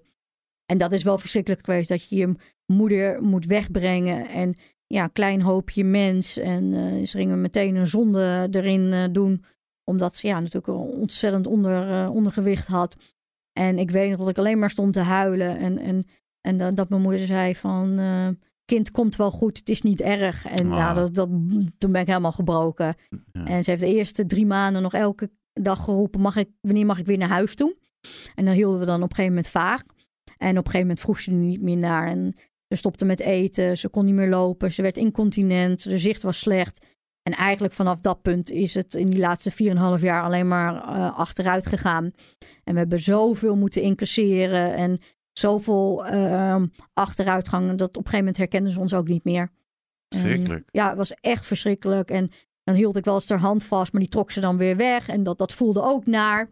Maar ik had zoiets van, uh, weet je, zolang haar lichaam er nog is en ik er warmte voel, dan, dan heb ik het idee dat we nog ergens met elkaar verbonden zijn. Maar het werd slechter en slechter. En op een gegeven moment begon ze ook helemaal vergroeien te krijgen. En, en ja, alles was al kapot in, in, in, in de bovenkamer, zal ik maar zeggen. Want ze reageerde op een gegeven moment helemaal nergens meer op. toen werd ze benauwd en op een gegeven moment begon ze ook te kreunen. En dat is voor ons wel uh, uh, reden geweest om weer met het hele zorgteam aan tafel te gaan. En ook te zeggen van joh, weet je, uh, ze had een pechzonde. En daar bleef ze eigenlijk door in leven, omdat die zondevoeding maar naar binnen werd gepompt. En ja, alles was kapot, maar de hart, die deed het gewoon, die was heel sterk. Ja. Dus konden ze de bewijzen van nog wat zeven jaar. Ja, ja. ja, als een kastplantje in dat bed. En ze gaf ook veel over. En dan lag ze gewoon in de eigen braaksel. Mm. Dat was echt, echt gewoon onmenswaardig. Ik wou het zeggen, ja. ja Onmenselijk. Ja. En um, dus toen hebben we ook gesprek gehad um, om ja, haar, haar te laten gaan. En euthanasie kon niet, omdat ze daar zelf toestemming voor moest geven. Ehm, maar het zorgteam en de arts hadden ook wel zoiets van, van weet je, dit, er is ook geen toekomst meer. Het wordt alleen maar slechter. Alleen het nare is, is dat ze dan de zondevoeding eerst gingen afkoppelen en daarna het vocht. En dat het dan wachten is eigenlijk totdat iemand sterft. En um, wat wel heel bijzonder is om te vertellen, dat op de tweede of derde dag dat ze zeg maar niks meer kreeg, uh, werd, werd mijn zusje gebeld door het verpleeghuis van uh, ja, je moeder praat weer. En die had al jaren niet meer niks meer gezegd. En uh, dus die, die had zoiets van gezegd van ik ga zo met de gezagvoerder omhoog. Ehm, ik ga met het schip weg. Zeg tegen de kinderen dat ik van ze hou. En dat ze hun jas aan moeten doen, want het is koud. Hm, mooi, dat, dat, is wel ja, mooi. het was echt. Dus wij zijn erheen gegaan. En nou, we hebben als, als kleine kinderen zitten huilen, mijn zusje en ik. En we hadden zoiets van jeetje. En ik heb toen ook kunnen vragen van mam, hebben we het goed voor je gedaan? Weet je, want dat, dat leefde zo verschrikkelijk bij mij. En denk van dat arme mensje ligt daar helemaal weg te teren in dat bed. En straks hebben we iets gedaan wat ze helemaal niet wilde. En toen was er een fonkeling in haar ogen. En toen zei ze: Nee, het is, het is goed, jullie hebben alles gedaan. En ja, dat emotioneerde heel erg. En mijn zusje die eh, was inmiddels bevallen van haar eerste kindje. En die was toen een half jaar. Dus die hebben we beide in bed gezet. En, en ze pakte het handje van mijn nichtje vast. En, en mij in koor van, ja mam, je bent oma geworden. En ik zal het nooit vergeten, die twinkeling die ze toen in haar ogen had. het was even alsof ik mijn moeder weer terug had. En ze was zo blij en zo. Het was zo lief. En, en uh, ja, dat, dat is echt fantastisch. Dat heeft voor onze verwerking ook best wel wat gedaan. En twee dagen later stopte dat en was die opleving weg en zakte ze eigenlijk weg. En uh, ja, op een gegeven moment hebben we in de vroege ochtend hebben we een telefoontje gekregen dat ze stervende was. En toen hebben we met z'n allen, uh, René en ik, mijn zusje en mijn zwager, mijn vader en mijn oma, haar moeder en mijn tante. Dus dat was ook wel heel heftig. Hebben we daar gewaakt met elkaar. En uiteindelijk heeft mijn oma uh, s'avonds met mijn tante afscheid genomen. Want die moesten weer helemaal terug naar Lobit. Dat best wel een eentje verder is. En mijn oma was inmiddels midden negentig. Dus dat was voor dat mensje echt Jeetje. verschrikkelijk. Ja. Dus die, um, ja, die brak toen ze afscheid nam van haar kind. En ik weet nog zo dat ze, dat ze zei van... Uh, uh, dag lief kind, uh, Monica, ik hou van je. En, en ze brak. Nou, ik ben toen ook helemaal stuk gegaan, denk ik. Dan dat je oma van 95 afscheid neemt van haar eigen kind, breekt. En ehm, ja, dat, dat was zo, zo heftig. En ik had echt zoiets van, ik wil erbij zijn als ze overlijdt. Dat, dat, ik had heel erg uh, de overtuiging dat ik er niet alleen wilde laten gaan. Uh, maar op een gegeven moment zaten we er al 18 uur en ik had niet geplast, nauwelijks wat gegeten.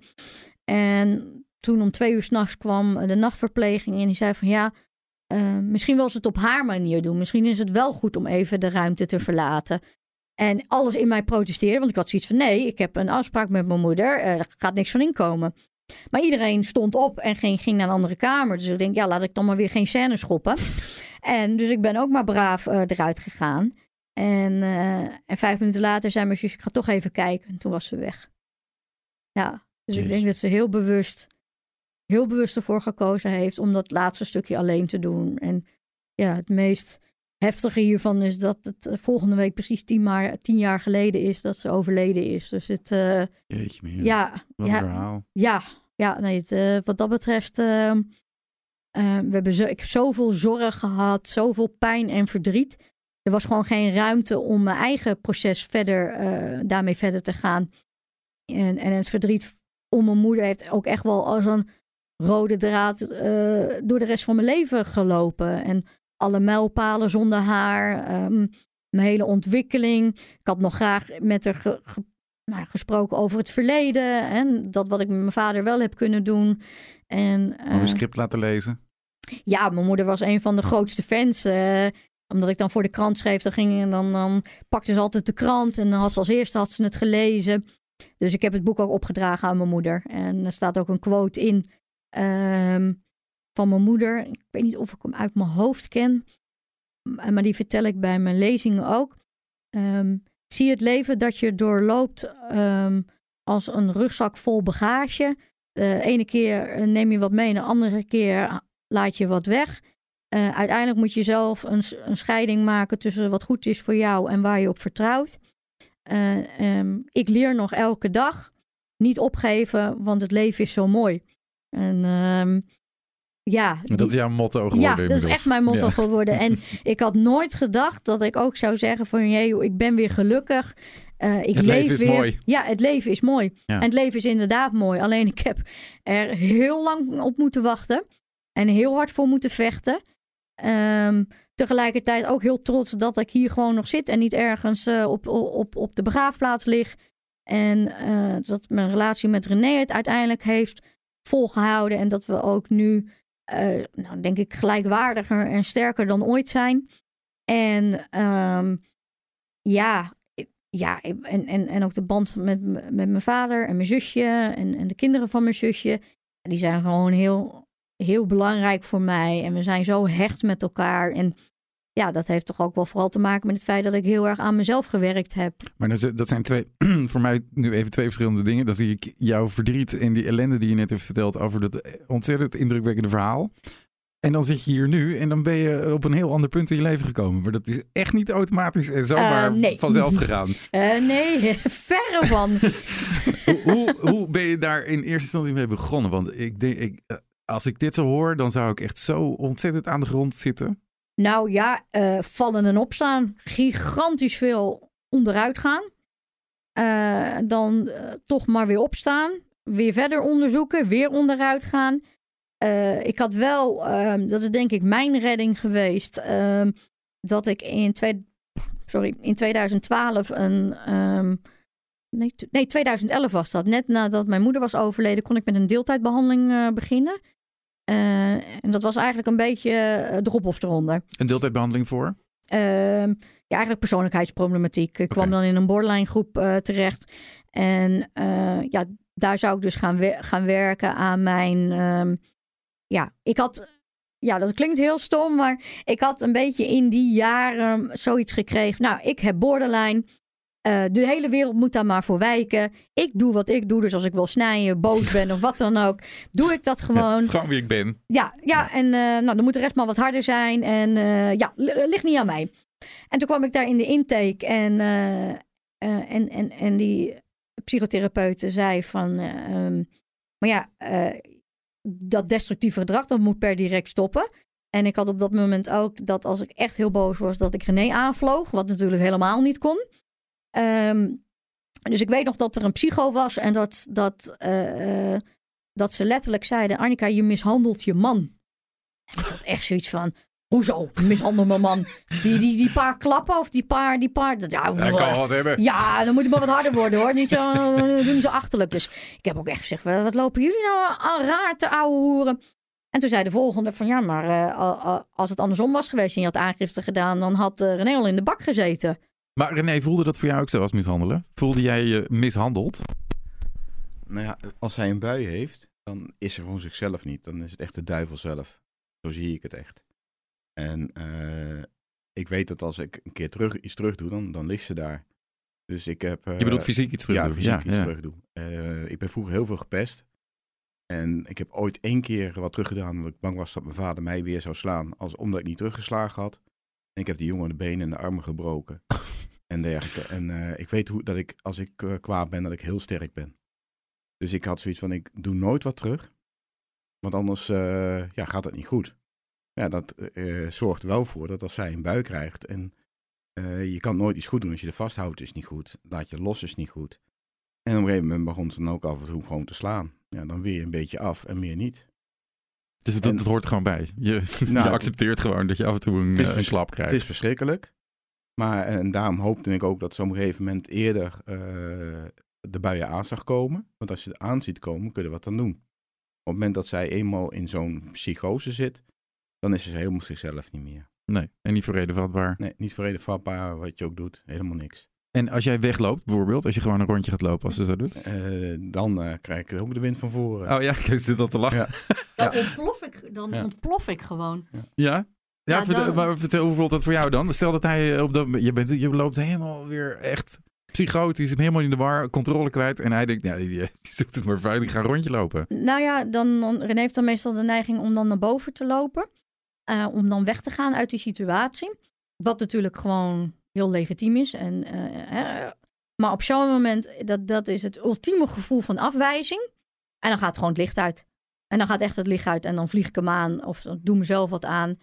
En ehm, Maar je, wat voelt, voel, zit er dan in jouw hoofd? Dat je, jij moet gewoon hier zijn voor mij. Je moet die... je moet niet weggaan. Je- je- ik moet dat op jou kunnen botvieren. Ja, je moet niet mij ja, in steek Ja, laten. nou ja, bijna wel. Ja, ja. Ja, het is, het is verschrikkelijk om, om, om te zeggen. Want ik denk dat ik dit wel een van de meest nare dingen vind om te vertellen. Dat ik gewoon de, man van wie ik zo zielsveel hou. Dat ik die, als ik op mijn slechts ben, zoveel pijn en verdriet doe. En, ja, Is het, je, ook niet met, is het ook niet daarom?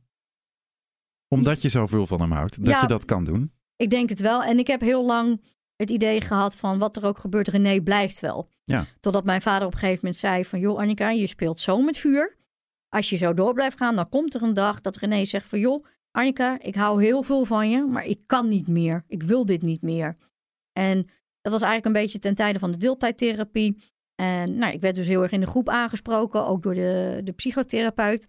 Dus ik ben heel erg gaan, gaan leren en gaan onderzoeken wat gaat er nou aan zo'n bui vooraf? Hoe kan ik ja, het deels eh, voorkomen? Nou, En wat kan ik doen als ik al wel een, een stukje verder heen ben? Wat kan ik dan nog wel doen? Om het niet helemaal te laten escaleren. Je kan hem weer gewoon terug naar je... Ah, wat je zit dan helemaal scheef. Ja, nou ja. Als soort Sorry, volgende keer ga ik echt twee microfoons hier zitten. Dus ja, weet je, het, het- is echt een gigantisch leerproces geweest. En ik ben er wel honderd keer op mijn bek gegaan. En dan dacht ik van nou, nu kan het niet meer slechter. En dan eh, twee, drie maanden later was er weer een, een dieptepunt. En ik moet eerlijk zeggen, ik ben in 2016 gestopt met intensieve therapie. En de therapeuten die ik op de deeltijd had, heb ik nog 4,5 jaar heel intensief ambulant gehad.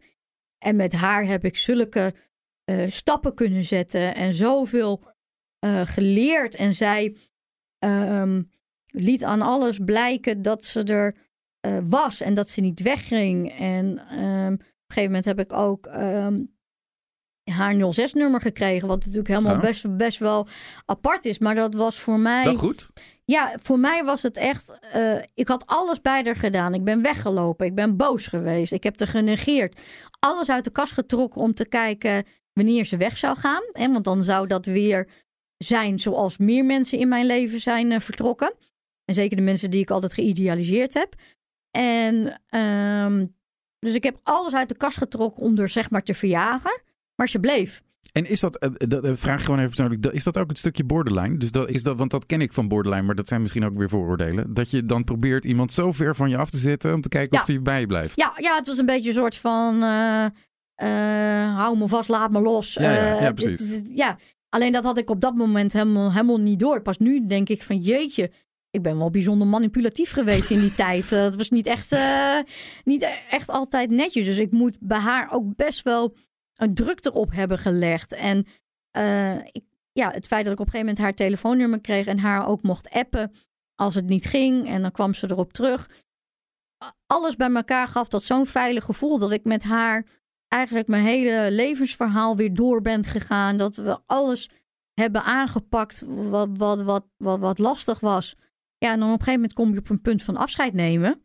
En eh, ik had heel erg in mijn hoofd, want ik wilde helemaal geen afscheid van haar nemen. Nee. Ik dacht, dus ik blijf gewoon altijd eeuwig bij haar. Want het is, ja, is fijn, dit is vertrouwd. ja, dit werkt. Ja, En ehm, nou, toen zei, heb ik ook op een gegeven moment gevraagd van joh, zouden we niet na therapie, zou er niet iets kunnen ontstaan van vriendschap? Want we hadden best wel een klik met elkaar en we spraken in, inmiddels ook over veel meer andere dingen dan alleen mijn therapie en, en, en mijn hersenspinsels. Dus op een gegeven moment ehm, ja, was dan dat moment aanstaan en zij heeft mij eigenlijk maandenlang gezegd van joh, we komen daar wel uit, dat gaan we doen. Ik wil je daarna ook nog wel zien, maar laten we eerst je afscheid goed doen. En eh, nou, dus ik op een gegeven moment afscheid van haar genomen, wat gewoon wel echt wel een heel mooi afscheid was. Want het was daarnaast ook afscheid van 16 jaar therapie. Dus het was eh, best wel dubbel en best wel emotioneel. Ehm, maar voor mij vonden het minder beladen, want ik had zoiets van, ja, we houden toch wel contact. Maar je begrijpt, dat eh, liep ook anders. En ehm, eigenlijk al vrij snel, ik denk twee, drie maanden, vier, vier maanden na mijn on- ontslag bij haar, reageerde ze niet meer op mijn appjes. eh, telefoontjes werden niet beantwoord. En eh, ze las mijn berichtjes ook helemaal niet meer.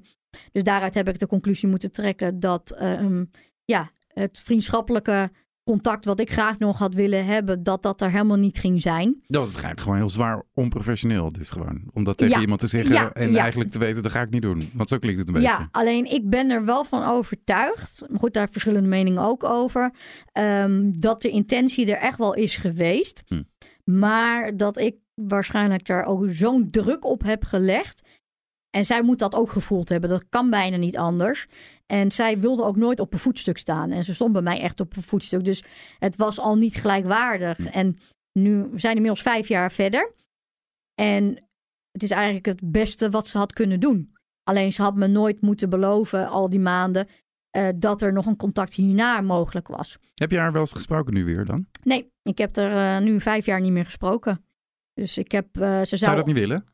Jawel, daar heb ik wel heel veel over nagedacht. Alleen, ehm, ehm, ik ben enerzijds bang voor wat ik oprakel.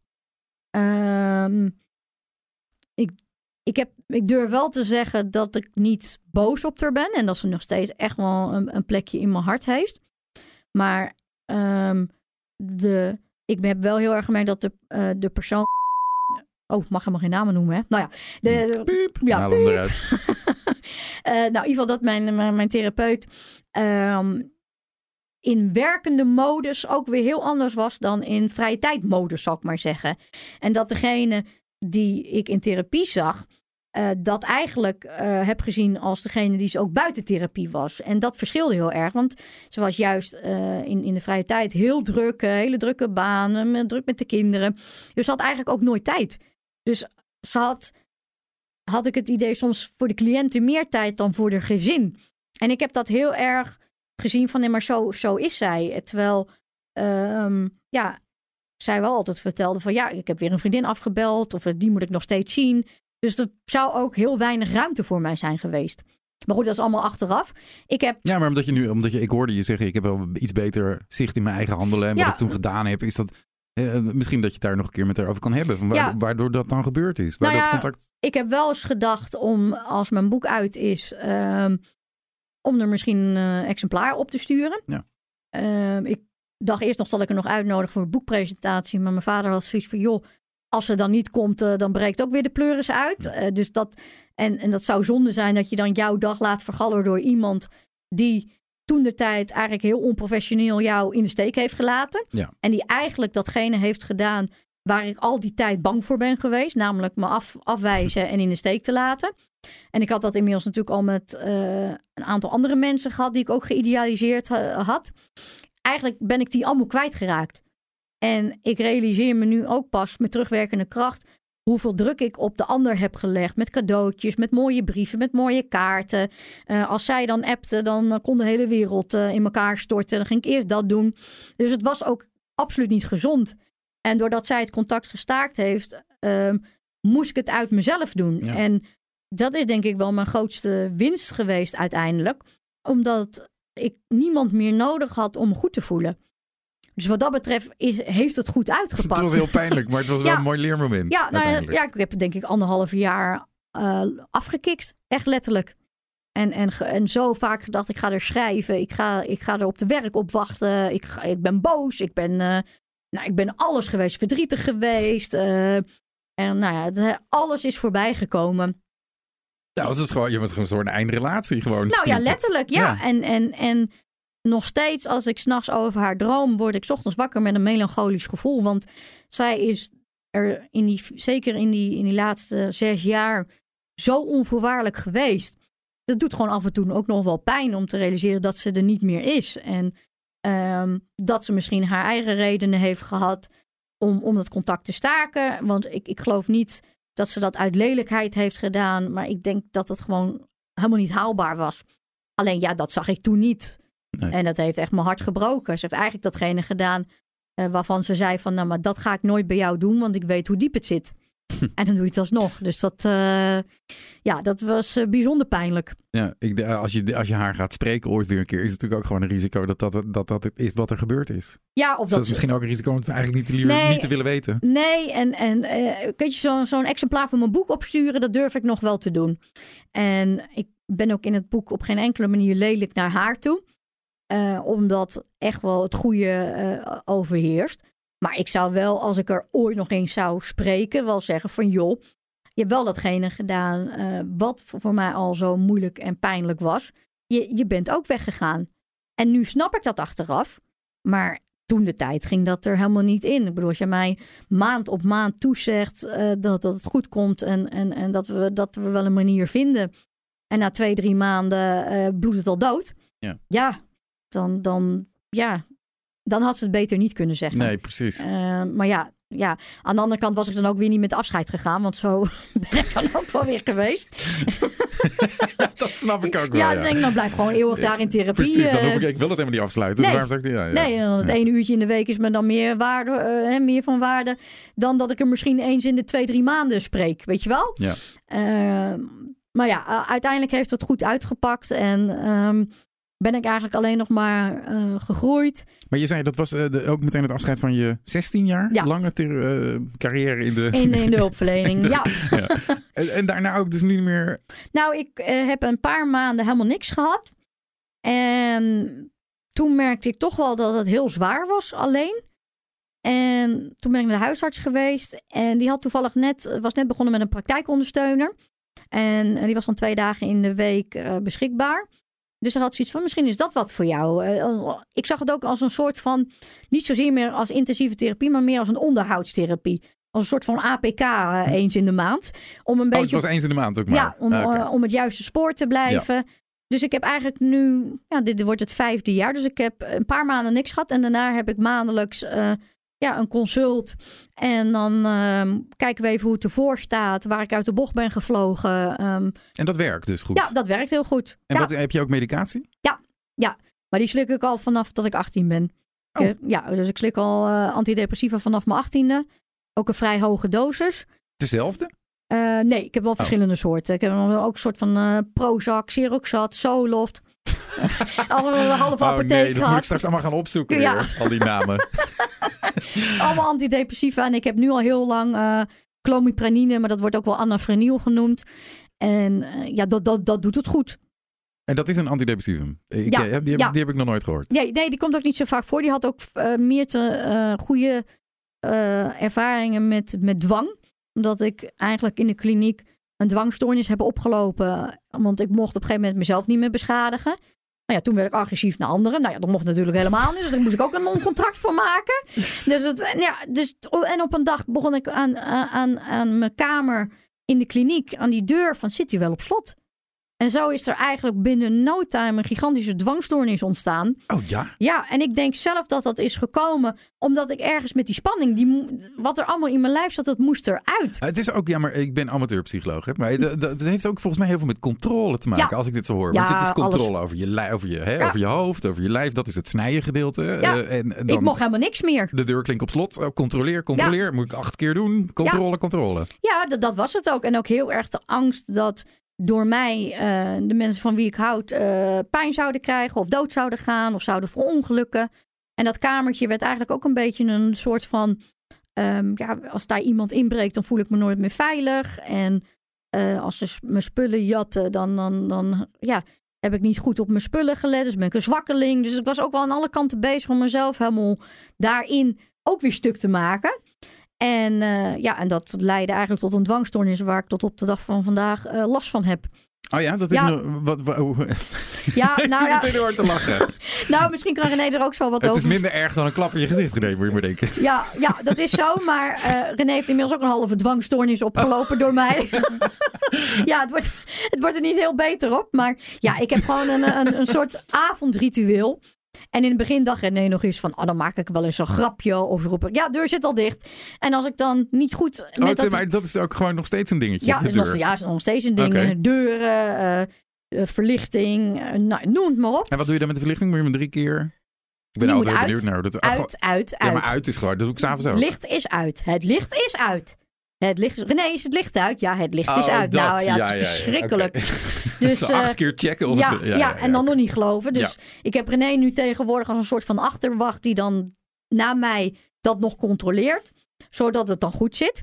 Maar bijvoorbeeld op Maar dat vakantie... vertrouw je dus? Ja, dat heb ik geleerd. Hm. Eh, maar, want in het begin was dat er helemaal niet. En dan, als we dan op vakantie gingen, dan, dan was ik drie dagen van tevoren al, al, al zwaar depressief. Want dan moesten we s'nachts dat huis uit. En we hebben huisdieren. En dan is het donker. En in het donker is alles tien keer erger en enger. Nou, dat, eh, op een gegeven moment hebben we zoveel ruzie ook gehad. Dat René op een gegeven moment zei van... Als dit zo doorgaat, dan ga ik niet meer met je op vakantie. Want er is geen, geen reet meer aan. Leuk meer. Nee, maar misschien wil jij er iets over vertellen over die dwang. Want ja, we lachen er tegenwoordig gelukkig om. Maar ehm, Ja, vertel jij er eens iets over, René. Nou, het ergste is zelfs op vakantie. Als we een, eh, een paar weken op eenzelfde plek zijn, dan gaat ze zelfs daar de deuren controleren en het licht. Ik bedoel, hoe gek kan het zijn? Maar het is overal. Dus als we weggaan ook eh, van thuis en we gaan ergens heen, dan eh, zeker op vakantie, dan moeten we verdieping voor verdieping. We hebben een aantal verdiepingen, dus dan moeten we eerst op zolder kijken of alles dicht zit enzovoort. Dan een verdieping lager, dan ook alles dicht. Maar dan mag je niet meer naar boven lopen, Want dan want kan... dan, dan moet ik weer want dan moet het weer overnieuw. Oh ja. Oh, Dus alles moet gecontroleerd worden. En dan moet overal eh, gecontroleerd worden of er iets dicht zit. Zelfs ze heeft, op de auto heeft ze zo'n zo'n afstandsbediening. Je drukt op klik en dan zitten de deuren dicht. Nee, En dan ze toch moet toch nog- nog voelen of ja, het wel dicht zit. hoor. Ja, echt Ja. waar? Ja. Ja, dat is bijzonder is dat toch ook, hè? Dus dat, is, dat gaat altijd nog door. En heb je daar heb je het idee van dat je daar iets aan kan doen? Dat je, dat je denkt, nou ja, ik ga dat echt niet... Ik, ik, het is zo stom, ik ga dat niet controleren. Ik weet dat die dicht is als ik op de knopje druk. Nee, ik heb een soort van, ja, eh, een, een eigen modus daarin eh, ontworpen, zal ik maar zeggen. Ehm, waarin ik wel die dwanghandelingen uitvoer, maar ik heb een bepaald ritueel, een bepaalde volgorde s'avonds. Die loop ik af. Vervolgens vraag ik René eh, eh, om dat nog even één keer te checken. En op het moment dat hij groen licht geeft, dan kan ik het loslaten. Maar dat is een gigantische eh, eh, leerproces geweest. Want ja, ik ben van nature bijzonder eigenwijs. en denk dat ik het zelf ook allemaal wel goed weet. en René dacht nog wel eens... Beter weten ook. Ja, ja en, en René dacht af en toe ook nog wel een grapje erover te kunnen maken. Maar dat werd dan dat werd helemaal een drama. Zo van, dat, ik heb het zo drama over laten staan. Ja, ja nou, voor de Geen grap. idee. Of, of door mijn ritueel heen lopen. Ja, ik ga dit wel doen. Nee, je gaat helemaal niet dit doen. Want ik moet eerst die, die, die wc nog checken. Ja, nee, maar dat kan toch wel. Of, of, of naar buiten lopen om, om vuilnis weg te gooien. Terwijl ik dan net die deur heb afgesloten. Nee, Ja, ja, ja, ja. en vroeger werd ik, werd ik dan overvallen door angst en, en, en, en paniek. En tegenwoordig denk ik van, eh, nou, René heeft gezegd dat het goed is, dus is het goed. En Dus hoe erg is dit nu nog om te hebben? Want ik vraag me, eh, als je zo vertelt eh, hoe eh, alle andere dingen, denk ik, nou, daar, daar snap ik wel dat dat een heel groot probleem is. Maar hoe erg is dit om dat je gewoon van boven naar beneden een paar Ja, keer checkt of het licht Ik, uit is ik, en ik ben is? het inmiddels zo gewend. Ik heb het zo geïmplementeerd in mijn leven. Kijk, helemaal gezond en normaal is het niet. Dat realiseer ik me. Maar ik heb er minder tijd nu voor nodig om zo'n ritueel te doen. Dan dat ik al die gedachten en handelingen ga uitdagen. Precies, ja. Dus ik dus heb het is makkelijker om het gewoon zo te doen dan dat je Ja. dat hele proces door moet Ja. van, oh nee, dat Ja. is niet... eh, Het probleem is wel een beetje dat eh, andere mensen soms wel last van mij hebben. Want mijn zusje die heeft bijvoorbeeld vaak kaarsen aan. Nou, dan ben ik als de dood dat het hu- huis in de fik gaat. Dus dat vind ik heel lastig. En, ehm, maar überhaupt dat ze branden of als je wegloopt even? Ja, nou, dat ze branden überhaupt. eh. Dat ik denk van ja, straks, straks de boel in de hens. Thuis doen jullie nooit kaarsen aan? Jawel, Oh, maar wel. ja, René. René, die, die, die is echt wel de sfeermaker. En, eh, maar ja, dan ben ik ook wel eens bang eh, dat, dat de boel in de fik gaat. En eh, ehm, alleen daar waar ik vroeger nog heel erg die angst had, daarna. Weet je wel, van oh nee, de mensen gaan dood, mijn geliefde doe ik pijn. Dat hele stuk is er bijna niet meer. Want die heb Nee. ik, dat heb ik redelijk geblokt. Ik kan wel een klein beetje verplaatsen, René, want mijn vriendin die heeft ook een, eh, met kaarsen wel. Dat als die bijvoorbeeld naar bed gaat om een uur of tien en ik blijf nog een uurtje beneden zitten, dan doet ze de kaars uit. Ja, Ondanks dat ik gewoon, ik zit gewoon, en dat, ik doe ook heus straks wel de kaars uit. Maar ja, dat weet je nooit zeker natuurlijk, dus ik doe ze maar vast uit. Ja, en, en het allerergste is nog, ik heb dus een paar keer gehad in al die jaren, dat ondanks al die nou ja, dwanghandelingen, het licht op de overloop aan was. Ja, nou en dan zou je denken, nou dan breekt de pleuris uit. En toen heb ik eigenlijk alleen maar mijn schouders opgehaald en gedacht, ja, nou ja, kan ook. Maar die had je het- gewoon wat- gemist. Ja, wat natuurlijk helemaal nergens op slaat, want je hebt jezelf helemaal opgefokt jarenlang.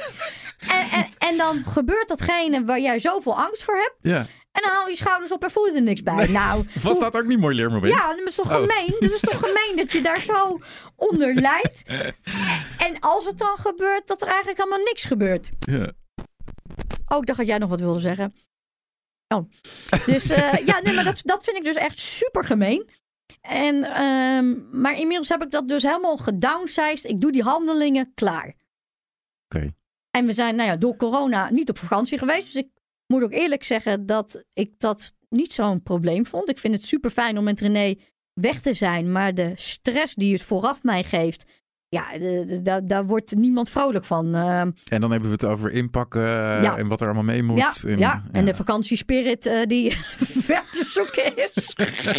dat ik eerder nog in staat ben om mezelf wat aan te doen. En dan dat we gezellig met elkaar weggaan. En als je op vakantie bent, bijvoorbeeld een weekje, kom je er pas de laatste twee dagen van de vakantie een Ik heb, beetje wel tot even, rust? ik Of, heb even nodig om te acclimatiseren. Ja. Ja, ik heb meestal wel als we in- dan in het vliegtuig zitten dat ik het redelijk los kan laten. Maar ja, ik, ik heb weer wat vliegangst eh, ontwikkeld, want we hebben Oh ooit eh, ernstige turbulentie gehad. Dus sindsdien durf ik ook niet meer Europa uit. En ehm, dus dat maakt het, het, het reizen met, met het vliegtuig wel een beetje een problematisch iets. En ehm, Ah, die vliegangst die is te overwinnen, zou ik zeggen. Ja, nou ja, goed. Kijk, al- al- als je gaat, dan ga je toch. Maar dat had heel erg meer mee te maken met dat de wil om te leven nu zo groot is. Dat ik het zo gemeen zou Oh, vinden mooi. als ik dan zou neerstorten. Weet Ja, je wel? dat ja. Dat ik dan Je hebt eindelijk... zoveel werk Ja. verzet dat je hele leven om niet... eh, Ja, dan heb ik alles gedaan en, dan- en dan ben ik eindelijk zen met mezelf. En dan stort, ik neer, neer. in de Middellandse Zee en niemand die me ooit meer terugvindt.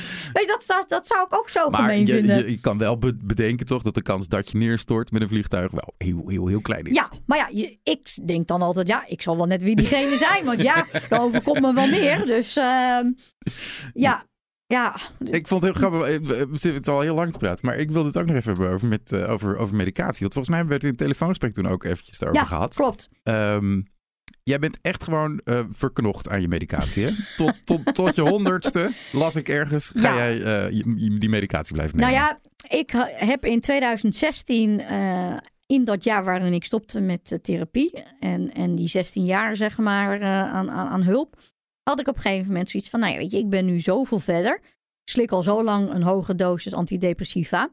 Misschien kan ik wel met minder of misschien wel helemaal niks Ja. verder. Het vond ik heel legitiem. gedachte. Ja, Ja. denken heel veel mensen. Ja, dus ik eh, ben in overleg met de huisarts een schema opgesteld. Ben ik langzaam gaan verminderen. En nou, dat ging goed. Dus op een gegeven moment zat ik nog maar op anderhalve tablet. En ik slik er normaal drie. En, ehm, en toen op een gegeven moment ging ik naar één. En het was net alsof iemand mij letterlijk uitzette. Ik, ik, ik functioneerde niet meer. Als je boet tegen mij zei, barstte ik al in huilen uit. Ik had heel veel last van bijwerkingen als trillingen, droge mond, misselijkheid, overgeven. Eh, maar wat eigenlijk vooral het belangrijkste was, ik was, geen, ik was Annika niet meer. Maar Ik- iemand zette je uit, hoe bedoel je? Was je gewoon een, eh, was je heel depressief? ik, er kwam gewoon helemaal niks meer uit. Oh, dat- ik, oh. ik, ik functioneerde gewoon niet meer. Ik zat er als een soort van eh, verslaafde. Zat ik in de stoel te trillen, voor me uit te staren. Ik was niet meer in staat om te sporten, niet meer in staat om te praten of om überhaupt wat te doen. En, en dat duurde maar en duurde maar. Want ja, je wil ook niet zomaar opgeven. En ik realiseerde me ook wel dat er wel een deel eh, bijwerkingen van zaten. Van het feit dat je naar beneden ging met je, Ja. met je medicatie. Dus ehm, het is best wel wikken en wegen geweest van ja, hoe lang ga ik hiermee door? Maar ja, ik werd alleen maar slechter en slechter. Ging alleen maar huilen. Dan ging niet meer naar mijn, mijn vrijwilligerswerk. Sporten lukte niet meer. Ik was eigenlijk al de hele dag gewoon verdrietig. eh, en, en, en bij elk gesprek kwamen de prikkels zo hard binnen dat ik continu moest ontladen. Maar dat lukte dan weer niet. En op een gegeven moment zei mijn vader van ja, maar hoe lang ga je hier nog mee door? Want ehm, ja, je, valt helemaal weg. En alles wat ik opgebouwd heb, leek ook bijna zeg maar weer in elkaar te storten. En toen Zo heb, voelt dat dan. ja, en toen heb ik uiteindelijk de beslissing genomen om weer op te bouwen. Tot een zekere hoogte. Ik denk, misschien kan ik, helpt dat dan? Nou, dat is ook één groot drama geweest. Want ja, dan krijg je ook weer bijwerkingen. En na een hoop gedoe en een hoop ellende was ik drie kwart jaar later weer op dezelfde dosis als waar ik al acht jaar op zit. En, en toen was ik er weer. Hm. En dat was voor mij heel erg, eh, heel erg een teken van ik ga mezelf dit niet nog een keer aandoen. Ik ben mezelf een jaar kwijt geweest. Als er dan een chemisch goedje is wat mij eh, helpt om zeg maar te kunnen functioneren, zo be it. Dan word ik maar 100 met een paar pillen. Kan mij het schelen. Als het werkt. Ja, als het werkt. Ja. Alleen ik realiseer me dat dat voor veel mensen. eh, ja, dat is natuurlijk heel subjectief. Voor de een helpt het wel, de ander, ander eh, zweert erbij. De ander zegt: Ik moet geen pillen. Hè, er waren ook mensen die zeiden: van als je medicatie slikt, eh, je, je verpest je leven. En het, het, het, ja, allemaal, allemaal dat soort hele negatieve Ik opvattingen. word er altijd heel moe van als mensen advies over dat soort dingen aan andere mensen gaan geven. Dat kan je voor jezelf wel zeggen. Van nou, bij mij werkt het Ja. eh, niet. En ik heb heel veel aan eh, sport en structuur. En voor andere mensen werkt het pilletje gewoon. Ja, Heel ja, simpel. ja, nou ja, bij mij werkt dus dat pilletje. Dus ik heb, eh, ik heb Ja, nee, dat ook natuurlijk. Ja. Structuur, en René vult even netjes aan. Inderdaad, structuur en sport. Ook hartstikke belangrijk. Maar dat pilletje heb je gewoon nodig. Dus, eh, nou ja, dus dan doen we dat, doe ik dat maar. En ik heb dan de oxazepam voor zo nodig. En eh, als dan zo'n zo'n bui of als, als ik gewoon niet goed in mijn vel zit, dan kan ik er gewoon preventief één of twee nemen. En dat gaat in principe ook gewoon goed. En heb je dan niet ergens de gedachte nog van, nou, eh, als je ziet waarvan ik vandaan gekomen ben, dat is zo'n zo'n weg omhoog. Als we die lijn doortrekken, ga ik op een gegeven moment kan ik er wel mee stoppen. Hoop ik. Of zo. Met de Heb je dat- medicatie. ja, heb je dat idee dat je bijvoorbeeld, het gaat nu 20 jaar nog, nog veel beter. Je schrijft een derde boek en een vierde Ja. boek. Of is dat juist het bewijs dat het werkt? Ik denk dat ik, dat ik gewoon blijf slikken. Dat ik mezelf dat niet nog een keer aan ga doen. Ja, misschien over twintig jaar wel. Dat ik dan denk van nou, hè, ik, ben, ik ben nu inmiddels weet ik, eh, 58. eh, kijken hoe. Maar ik weet niet of ik het mezelf nog een keer ga aandoen. Want ik ben sowieso heel gevoelig voor bijwerkingen. Het Dus- verbaast me wel dat je die, dat idee nog wel een beetje hebt. Ik had gedacht, jij zit te sterk, jij zit te sterk. Ik ga er nooit meer mee stoppen. Nee, nou ja, dat, dat, Van mij mag ze ook niet hoor. Nee, eigenlijk, nou het is, het is dat je het nu dan zegt, ja, over 20 jaar. Want ik heb eigenlijk de afgelopen vijf jaar ook best wel weer zo'n groei meegemaakt. En zoveel sterker en stabieler geworden. Dat ik denk van ja, als zich dat inderdaad eh, doortrekt naar 20 jaar. Waarin je misschien niet eens meer de diagnose borderline eh, draagt. Ja. Wie weet, maar voor, zoals ik er nu in sta, word ik gewoon 100 met eh, antidepressiva. Ja. En, en maal ik daar geen dag meer om dat ik dat eh, moet slikken. Maar het zou toch ook verschrikkelijk zijn als je over twintig jaar denkt, nou ik ga het toch eens proberen. En alles begint weer van voren van. Ja, nee, maar dan wordt iedereen gek. Eh, dan, word ik zelf, ook. ja, dan word ik zelf gek, maar dan wordt René en, en mijn familie die worden ook gek. Want dan, die kunnen niet nog een keer zo'n periode aan. En jij eh, ook niet. Nee, helemaal niet. En ik wil ook helemaal niet terug naar die tijd. Dat, ehm, nee, dat, alles behalve dat. Je boek hè? Ja, Wanneer, eh, wanneer kunnen we die kopen? Wanneer ligt die in de winkel? Want het manuscript is nu af, maar dan, eh, dat is nog maar... eh, hè? De- Ik Ja. we hadden het van beneden even over dus straks. Maar Ja. dat is natuurlijk wel het, het, het grootste werk hè, om Ja. dat manuscript te ja, schrijven. nou het manuscript is geschreven. Ehm, het is, ik geloof dat ik wel 150.000 woorden heb, dus dat is veel te veel om... 150.000 woorden! Ja, om, om überhaupt in een boek te krijgen. Dus ik denk dat er zo gemiddeld, nou, 60.000 woorden geschrapt moeten worden. Dus dat wordt nog wel een, een Kill dingetje. your darlings. Ja, nou letterlijk. Eh, maar ik eh, heb hem zeg maar nu klaar en ik heb hem uitgeprint voor eh, René, mijn zusje, mijn zwager en mijn vader. En die gaan dan als eerste dat manuscript lezen. Ook omdat hun heel veel in het verhaal voorkomen. En ik wil dat ze weten wat ik over hun geschreven heb. En als ze daar nog op- of aanmerkingen over hebben, ja, is dat bespreekbaar. Dat geldt ook voor bepaalde hoofdstukken. En met hun hoop ik dus al een stuk te kunnen redigeren. Nou, dan als ik dat allemaal weer heb verwerkt, dan wil ik het professioneel door een redacteur eh, laten lezen. Nou ja, wat daaruit komt, ga ik daar weer mee aan de slag. Dus ik hoop een beetje dat ik misschien begin volgend jaar eh, op zoek kan gaan naar een uitgever. Wat is je mooiste hoofdstuk? Ehm, ik denk toch mijn proloog, waarin ik eindig met hoe het nu met me gaat en de ontwikkeling die ik heb doorgemaakt. En hoe trots ik ben en blij ik ben. En ook weer kan zeggen dat ik leef in plaats van overleef. Ja, en dat ik gelukkig ben. Dat je gelukkig Ja, bent. dat ik gelukkig ben. Kijk, dat is een hele belangrijke. Hoe, Ja. lang, hoe lang kan je dat al zeggen over jezelf, dat je gelukkig bent? Ehm, Een paar jaar, denk ik nu. Ik denk drie, vier jaar dat ik dat echt voel vanuit mezelf. Van hé, hey, ik ben rustig, ik ben gelukkig. Ik denk dat mijn relatie met René ook nog nooit zo steady is geweest. En dat mag ook wel natuurlijk.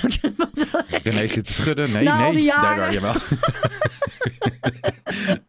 ja, maar wat, wat, wat doet hij überhaupt nog bij er? Ja, ik kan me wel Nou ja, voorstellen dat maar mensen René, dat denken is hoor. dat is twin- twintig. Ja, precies. Dat, eh, nou ja, dat eh, denken dat wel vaker mensen die een psychische aandoening hebben, die denken vaak, wat doet mijn partner in hemelsnaam nog bij mij? Maar je hebt eh, van de 20 jaar, is 17 jaar best wel heel erg lastig geweest dus. Ja, er zijn heel veel momenten geweest dat het lastig was. Maar Waarom ben je er nog? Omdat ik, eh, als ze die buien heeft, is ze Annika niet. Dus ik heb dat echt van elkaar ge- gescheiden. Want Als ik het niet zou, eh, van elkaar zou kunnen scheiden, dan was ik al lang weg geweest. Dat klopt. Ja. Maar op het moment dat zij buien heeft, dan is echt heel iemand anders. En ze heeft dan vaak ook, als ze zich eh, gesneden had, daar ook al ontzettend veel la- last van en verdriet van. Enzovoort, wat ze me aandoet. Maar als mensen een bui heeft, dan, dan, dan, ja, dan is het heel iemand anders. En, En- zolang ik dat eh, onderscheid kon maken, eh, was het te doen. Maar er waren wel periodes dat heel zwaar was. Zeker in het begin. We zijn niet voor niks eh, twee keer even uit elkaar geweest. En dat was gewoon omdat jij dacht, trek het niet meer. Ja, i- eh, ik trok het niet meer, maar Annika zag ook dat het gewoon niet ging. En toen als ze eenmaal een tijdje weg was, toen, toen kwam ze vaak weer achter van ja, ik zal toch ook dingen moeten veranderen. Nou, en eh, kwam ze weer terug. Ja. Dan ging het ook weer een stuk beter. En dat, dat realiseer je, Annika, dan pas op de momenten dat het weer beter met je gaat. Dat je weer uit zo'n eh, uit zo'n psychose bent. Ja, ik weet niet of het echte psychoses zijn, want ik heb dat... Nou, dat zo klinken ze in ieder geval Ja, wel. Ik, weet ook niet of ze officieel zo heten, maar eh, je Ja, bent in nee. ieder geval de controle goed kwijt in ieder ja, geval. nee, het is, ik, ik vind dan ook diegene die ik dan ben, dat vind ik ook een verschrikkelijk persoon. Herken je die? Dat vind ik echt een... Dat is gewoon een monster. Maar echt een herken je daar wel iets van in jezelf? Of ben je echt compleet iemand anders? Ehm, ik denk dat ik best wel eh, ehm, explosief karakter heb. Eh, maar als ik zo'n bui heb, dan... Bijvoorbeeld dat ene stukje, dat schreef me nou net te binnen. Dat, dat jij bijvoorbeeld niet wil dat hij bij je wegloopt. Dat stukje. Dus dat je, bij, je iemand bij je wil houden eigenlijk. Ja. Heb je dat ook als je dan niet in zo'n bui verkeert? Dus als je gewoon, nu bijvoorbeeld. Heb je ook liever dat hij er nu bij blijft? In plaats van dat hij bijvoorbeeld beneden zou gaan zitten. Nee, als die beneden had, had gezeten, was het ook goed geweest. Oké. Ja, nee, het, het heeft vooral te maken dat als ik dan zo'n bui heb, eh, blijkbaar is er iets diep in mij dat niet in de steek gelaten wil worden of afgewezen wil worden. Dus op het moment dat ik al hoog in mijn emoties zit en René loopt weg, wat logisch is, want dat je alleen maar uitgescholden wordt en eh, eh, ik zit alleen maar stom voor me uit te staren, weet je, dat, dat- ja. En René kiest dan voor zichzelf, dan gaat gewoon het licht uit. Dan gaat echt letterlijk het licht uit en dan ben ik gewoon echt een monster en, en, en een verschrikkelijk persoon eh, die ook doorgaat en die in staat is om zulke lelijke dingen te doen. En het is dat ik dan godsdank ergens nog enig besef heb, eh, want anders zou ik zomaar een suïcidepoging kunnen doen. Hm. Terwijl ik eigenlijk helemaal niet meer suïcidaal ben en ook helemaal niet meer dood wil. Dus dan kun je nagaan hoe groot dat contrast is en hoe levensgevaarlijk dat is. Ja, ik, ik realiseer me heel goed hoe groot het contrast is. Ik probeer alleen te bedenken, zou dat, komt dat vanuit je persoonlijkheid? Is het een versterking zeg maar, van je persoonlijkheid, honderd keer? Of is het gewoon een compleet ander persoon? Ja. Wat vind jij René? Ja, dat kan jij. Ja, ik vind het echt een ander persoon. Ja? Ja, heel duidelijk. Ja, Ja, ik, ik ken- Ja, ik denk dat ik, ook, dat ik dat ook vind. En ik vind het echt een verachtelijk persoon. En die doet alles om te kwetsen en om pijn te doen en om gemeen te doen. En alles uit de kast te trekken, zodat je de andere persoon helemaal stuk maakt. Zodat je vervolgens jezelf de vrijbrief kan geven om je te beschadigen. Want Hmm. immers, je bent toch een slecht mens, dus dan moet je ook gestraft worden. En dat vergoeilijkt voor mij dan weer de zelfbeschadiging. Want van die littekens lig je niet wakker. Maar ja, ook daar zijn de meningen over verdeeld. maar ja, dat lijkt me logisch. eh. ja, ja, Als, ja. ik, als ik gewoon ben zoals ik nu ben, dan denk ik, denk ik ook helemaal niet aan zelfbeschadiging. Nou, gek is dat, hè? Nee, is, dat eh, werkt dan. het is bijna een heel instinctief iets wat ik, hè, wat ik, wat ik eerder dit gesprek al zei. Het, ehm, ja, op het moment dat ik hoog in mijn emotie ben of, of heel boos ben op mezelf, is dat wat naar boven komt. En, En, dan- en nog steeds dus. ja, en, en dan 9 van de 10 keer kan ik dat weer afvloeien, gebeurt er niks. Maar zo, in november gaat het dan mis. En dan, ehm, ja, dan is het even goed crisis. En hoe lang was het, eh, want dat heb je volgens mij niet verteld, hoe lang was het toen in november geleden dat je dat toen deed, zeg maar? Dus hoe lang had je Dat dat, ik mezelf echt, gedaan? echt beschadigd had. Ja? Ik denk drie jaar. Dus dat was wel echt een, een terugval na drie jaar. Ja, nou, ik heb misschien Oh, nog wat. Nee, kijk, nou ja, nou ja, nee, ik heb misschien nog wat kleine incidentjes die, tussendoor. die jij gehad. als klein... ja, eh, ja, maar ja. die misschien. Die misschien iets groter waren dan jij denkt dat ze waren? Nou ja, laat ik dan zo zeggen. Eh, in januari 2017 is de laatste keer dat ik mezelf echt gesneden heb en gehecht moest worden. Oké. Dus, dat is voor mij, ja, dat is voor mij best wel een ding. Dat is niet echt worden. Nee, maar Dat hoeft alleen... Ja, ja. Ja, Nee, maar het feit, ja, dat klinkt ook weer heel gek eh, misschien. Maar krassen is voor mij een ander niveau dan in je lichaam snijden en gehecht moeten worden. Daar zit voor mij zo'n verschil tussen. Dus op het moment dat ik mezelf openkras, wat in feite natuurlijk dezelfde stofjes afgeeft en in, in feite hetzelfde is. Maar ja, eh, dat gaat vanzelf weer weg, die litteken. Of eh, de, de, de- die Dat wonden gaan, krasje. ja, die gaan weer weg, dus dan ziet niemand het meer. Ja, daar kan ik dan niet zo wakker van liggen. Dus die ja, heb ik niet meegeteld. Maar eh, René is misschien iets geloofwaardiger in hoe vaak... eh, Ja, ja, het, is, het, is, het is gewoon die zelfbeschadiging natuurlijk. Dus ik denk ook dat je in zo'n kliniek niet meer wegkomt met zo... Ja, maar het is maar een krasje. eh, nee, nee, in de kliniek was... eh de, man, dat, dat, Het is allemaal zelfbeschadiging gewoon. Eh, De categorie is gewoon... Het is eigenlijk alleen voor jou belangrijk. Ja. Toch? wat bedoel je? Nou, dat, voor René is het gewoon zelfbeschadiging. Als jij een krasje Ja, zet op ja. je arm, maakt niet uit of dat nou met een mes gebeurt Ja, of met je nagel. dat nee, is dat- zelfbeschadiging. Ik weet dat René nog ooit zei van...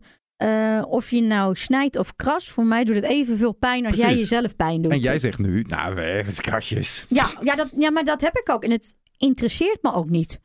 Ehm, want ja, de meeste littekens zijn al 18 jaar oud. Dus ja, er komen er dan een paar bij. Nou ja, zo be it. Dus het is ook als jij dan bijvoorbeeld krasjes zit en de volgende dag, eh, vind je dat minder erg dan wanneer je jezelf dan op dat moment gesneden zou hebben? Of werkt dat bij jou dan toch ook wel een beetje soort van dat je daar zelf uh, zelf een soort van schuldgevoel over hebt dat je het überhaupt gedaan hebt? Nee, ik denk dan meer van, nou, dan hebben we het voorlopig weer even gehad. en het is zo'n ontlading, zeg Ja, maar. ja, en dan, ja. nou ja, dan hebben we dat Moeilijk weer ding hoor. Dit. Ja, dit, het is gigantisch lastig. Want eh, hoe leg je uit aan iemand die zichzelf normaal niet beschadigt, dat je dat doet en dat je zo ver durft te gaan dat je misschien wel eh, eh, echt wonden voor het leven maakt. Weet je, ik heb gelukkig nooit spieren of, of aders of wat dan ook doorgesneden. Maar goed, ik ken genoeg verhalen van meiden en misschien ook wel jongens die dat wel hebben gedaan. En Ja. die zo ver heen zijn en zo dissociëren dat ze echt weg zijn. En ik ben in zekere mate ook wel weg, maar ik ben niet helemaal weg. En ik denk dat dat altijd wel mijn redding is geweest. Ehm, maar ik verkeer wel degelijk in, in een roes.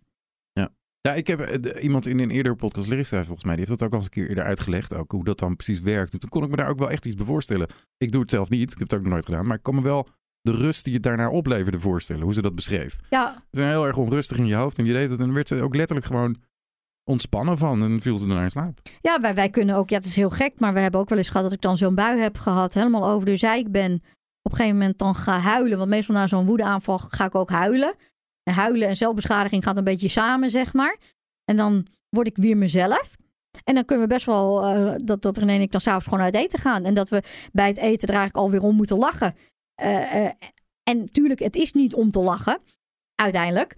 Maar het feit dat we daar samen een weg in hebben gevonden. En, ehm, eh, en wat misschien ook wel belangrijk is, ik heb René ook sinds die therapie van de deeltijd ook nooit meer aangeraakt. Dus ik denk dat dat voor hem ook wel veel verschil heeft gemaakt. Ik denk, als ik nog steeds fysiek naar hem toe eh, eh, je zou zijn, ja, dan, dan waren we al lang niet meer samen geweest. Want dat snap ik ook wel, dat je met zo'n iemand kan je ook niet samenleven. Nee. Die wanneer het eh, als een soort van wandelende tijdbom nou ja, afgaat en, en, en, en jij moet maar incasseren.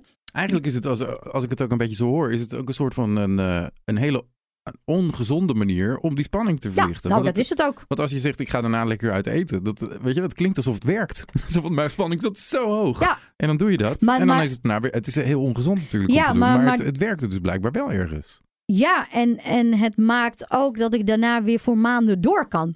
Dus het levert mij ook wel wat op. En dat maakt die zelfbeschadiging voor mij zo verslavend en interessant. Want ik weet dat als ik mezelf snijd, dat ik er weer maanden tegenaan kan. Ja. En René heeft ook wel eens gezegd eh, van ik heb liever dat je jezelf snijdt dan dat je vijf of zes uur lang eh, een, een bui hebt. Ja, precies. Dat lijkt me ook een hele moeilijke keuze, René. Om dat te zeggen. Oh, je moet heel veel een klein tikje geven. Ja, dat is een, een los kabeltje. Ja. Ja. Ja, als, als ze zo'n eh, zo'n bui heeft, eh, zeg maar, dan kan ze gewoon stom voor zich uitstaren. Eh, als je weggaat is het niet goed. Blijf je bij er is het niet goed. En dat kan uren duren. Nou, en dan word je op een gegeven moment ook gek van. Ja. Want wat je ook doet, het is niet goed. En soms, ik heb ook mijn werk, dus af en toe moet ik ook voor mijn werk eh, aan de slag. Ja. Of En en dan- best een heel weekend. Ja, Ja. En, en dan heb ik wel eens, eh, wel eens gezegd tegen van, ja, eh, pak dan een mes. Snij je een stukje. En maar dan- dat is wat ik dus straks Ja. bedoelde. en Wat ik op zich nog steeds wel een beetje een rare vraag vond. Maar dat je dat dan heel als kind, als met je ouders een soort van. Ja. Dat- Dus dat heb je wel een keer gewoon een soort van voorgesteld. Van, ga dat anders maar doen. Ja, want dan, want dan is die spanning weg. Ja. En ik weet dat ze daarna weer rustig wordt. Precies, en dat het ook helpt.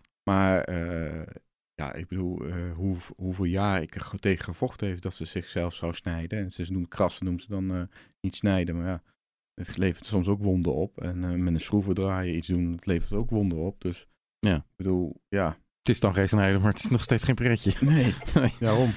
Dus het is, eh, maar ja, op een gegeven moment was ik het zo zat. Toen had ik zoiets van, ja, als je nou snijdt, dan is het die bui daarna heel vlot over.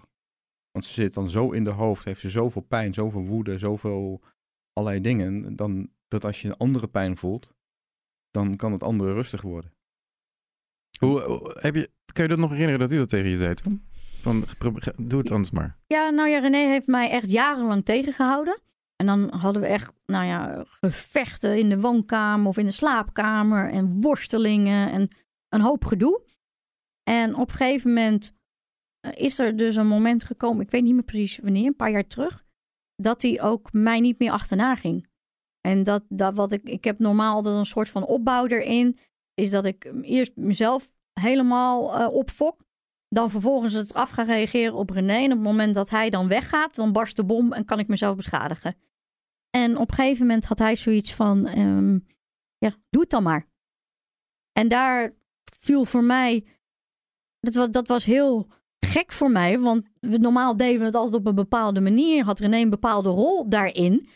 En Die viel weg. die viel weg. Dus ik had echt zoiets van: oh, oh, maar wat moet ik nou dan? Dus dat hele theater, dat hoeft niet dus meer. het slaat er eigenlijk helemaal nergens op. En dus dat maakt, maar het maakte ook wel dat ik me realiseerde dat als ik dan, hè, René die mij niet tegenhoudt en ik zou toch overgaan op zelfbeschadiging, dat het volledig mijn eigen schuld was. En dat, en dat was het normaal ook. Maar normaal had ik een soort van, eh, doordat ik René dan zo had gekwetst, een, een soort van vrijbrief om mezelf te mogen beschadigen. Ja. En nu zou ik dus willens en wetens mezelf beschadigen, terwijl ik zie dat René pijn en verdriet heeft. En die schuldgevoelens, die zijn zo heftig en zo aanwezig dat dat maakt dat ik mezelf dus niet meer beschadig. Ik zie dan René nog helemaal gebroken op die trap zitten met rode ogen, helemaal eh, uitgeteld. En dan denk ik, ja, je moet wel echt een bitch zijn om nu door te zetten. En Dat is een super effectieve eh, methode, René. ja, maar daar hebben we wel heel lang naar moeten zoeken. Had dat maar eerder geweten. Het werkte niet altijd, dat is het jammer. Oh ja. Ja, het Ja, is want een- op sommige momenten heb je daar ook gewoon maling aan. Ja, als Ja. ik er ver heen ben wel. Ja, als er te veel gebeurt, dan kan ik het niet meer reguleren. En dan, ja, dan gaat het licht uit. En dan, eh, ja, dan komt eigenlijk dat monster eh, eruit. Wat denk je hoe jouw leven eruit had gezien als je René niet had ontmoet? Ehm, dat vind ik heel lastig. Ik weet niet of ik dan een toekomst had gehad. Ehm, René is wel een van de redenen waarom ik nog leef. Eh, naast dat mijn vader eigenlijk eh, me altijd in leven heeft gehouden door alle gesprekken en alle input. Ehm, ja, ik weet niet waar ik zonder jou zou zijn. Ah. Ja, ja nee, maar dat, dat meen ik echt Voel ik ook wel een beetje zo, daarom vroeg ik het. Ja, Ja. ja weet je, ik- wat dat betreft, ik hou ziels veel van hem. En het doet dan ook heel veel pijn dat je soms zo gemeen bent en zo eh, bewust iemand kwetst om zo weer je eigen gerief te kunnen krijgen. En, ehm, maar die persoon wil ik helemaal niet zijn, want dat is helemaal geen fijn persoon. En godzijdank eh, heb ik blijkbaar ook nog wel leuke eigenschappen, want anders was René al lang weg geweest. Dus eh, blijkbaar doe ik ook wel wat goeds. Maar ja, als je deze podcast misschien geluisterd hebt, denk je bij jezelf... nou, laat maar zitten, wat een kansloos eh, type. Maar goed. Nou, dat denk ik niet. Ik denk niet dat iemand dat denkt. nou ja, ja, ja, er zijn natuurlijk wel wat... Ik denk dat iemand denkt, als hij dit luistert, die die heeft een hoop meegemaakt. Ja, en, dat, eh, dat sowieso. En, het, en eh, wat fijn dat het eh, nu wat beter gaat. ja, en dat we er... wat beter gaat, een flink stuk beter gaat. Ja, het, en, en dat we er ook samen een weg in hebben gevonden. Van ja, ik heb een persoonlijkheidsstoornis. die dwang die is er. Maar we houden zoveel van elkaar. En, en, en, en we gaan voor elkaar door het vuur. En ik ben er nu ook veel meer voor hem. Als, en zijn moeder is onlangs overleden. En dat is best wel een hele heftige periode geweest. En toen kon ik er ook gewoon voor je zijn. En ehm, ja, en, en dat vind ik ook wel waardevol. Want René heeft me zeker in het begin van onze relatie zo gedragen en zo geholpen. En nu zijn we eigenlijk meer een team geworden. En wat, ook, wat hoop je dat er nu nog verandert de komende, weet ik veel, vijf, tien jaar? ik zou wensen dat de scheidslijn tussen goed en slecht, hè, als, eh, of zoals ik me kan voelen, eh, dat die scheidslijn wat, wat breder wordt. Want ik merk dat er soms niet heel veel nodig is om in dat slechte stuk weer te raken. En dat vind ik wel eens eng, want dan heb je honderd jaar therapie gehad. Je alle handvaten, eh, je slikt medicijnen, bla bla bla bla bla. En dan nog kan er iets zijn wat je zo triggert, dat je gewoon weer, weer voor jouw gevoel terug bij af bent. Ja. En die vind ik wel eng. Dat kan ik me heel goed voorstellen. Ja. Dat ken ik ook wel een beetje vanuit depressies. Ja, Dus nou ja, wat maar je ook doet en wat de structuur ook is die Ja. je aanbrengt en hoe goed het ook allemaal werkt. Op een gegeven moment word je wakker en dan ben je gewoon zwaar depressief. Ja, ja en, en dan kan iemand nog zoveel van je houden. Ben ik nog hoorbaar? Jazeker. Oh, sorry. Eh, ben je, dan, dan ben je zo. Ja, hoe, hoe moet ik het zeggen? Ik, ik, ja, ik, ik ben dan gewoon ook echt niet mezelf. En, en, en, en, maar ik weet wel dat ik alles wat ik in me heb, tegenwoordig ook gebruik eh, ten gunste van mezelf en niet meer tegen mezelf. Ik heb heel lang ook het op mezelf gebotvierd, omdat ik vond dat ik dat verdiende. En nu durf ik ook wel wat liever naar mezelf toe te zijn. Ja. En uh, met mezelf te gunnen uh, om die knuffel te krijgen. Of om uh, even een serie te gaan kijken. Terwijl vroeger ontzegde ik me dat allemaal, want dat had ik niet verdiend. Want ik was immers een slecht mens. Oh ja, dat ging zo ver. Ja joh, dat ging heel ver.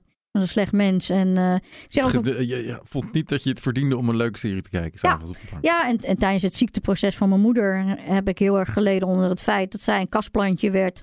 Terwijl ik vond dat ik daar had moeten liggen. Want dan had ik een soort van boetedoening gedaan. Hmm. En uh, voor alle keren dat ik haar verdrietig en, en, en boos en onmachtig had gemaakt.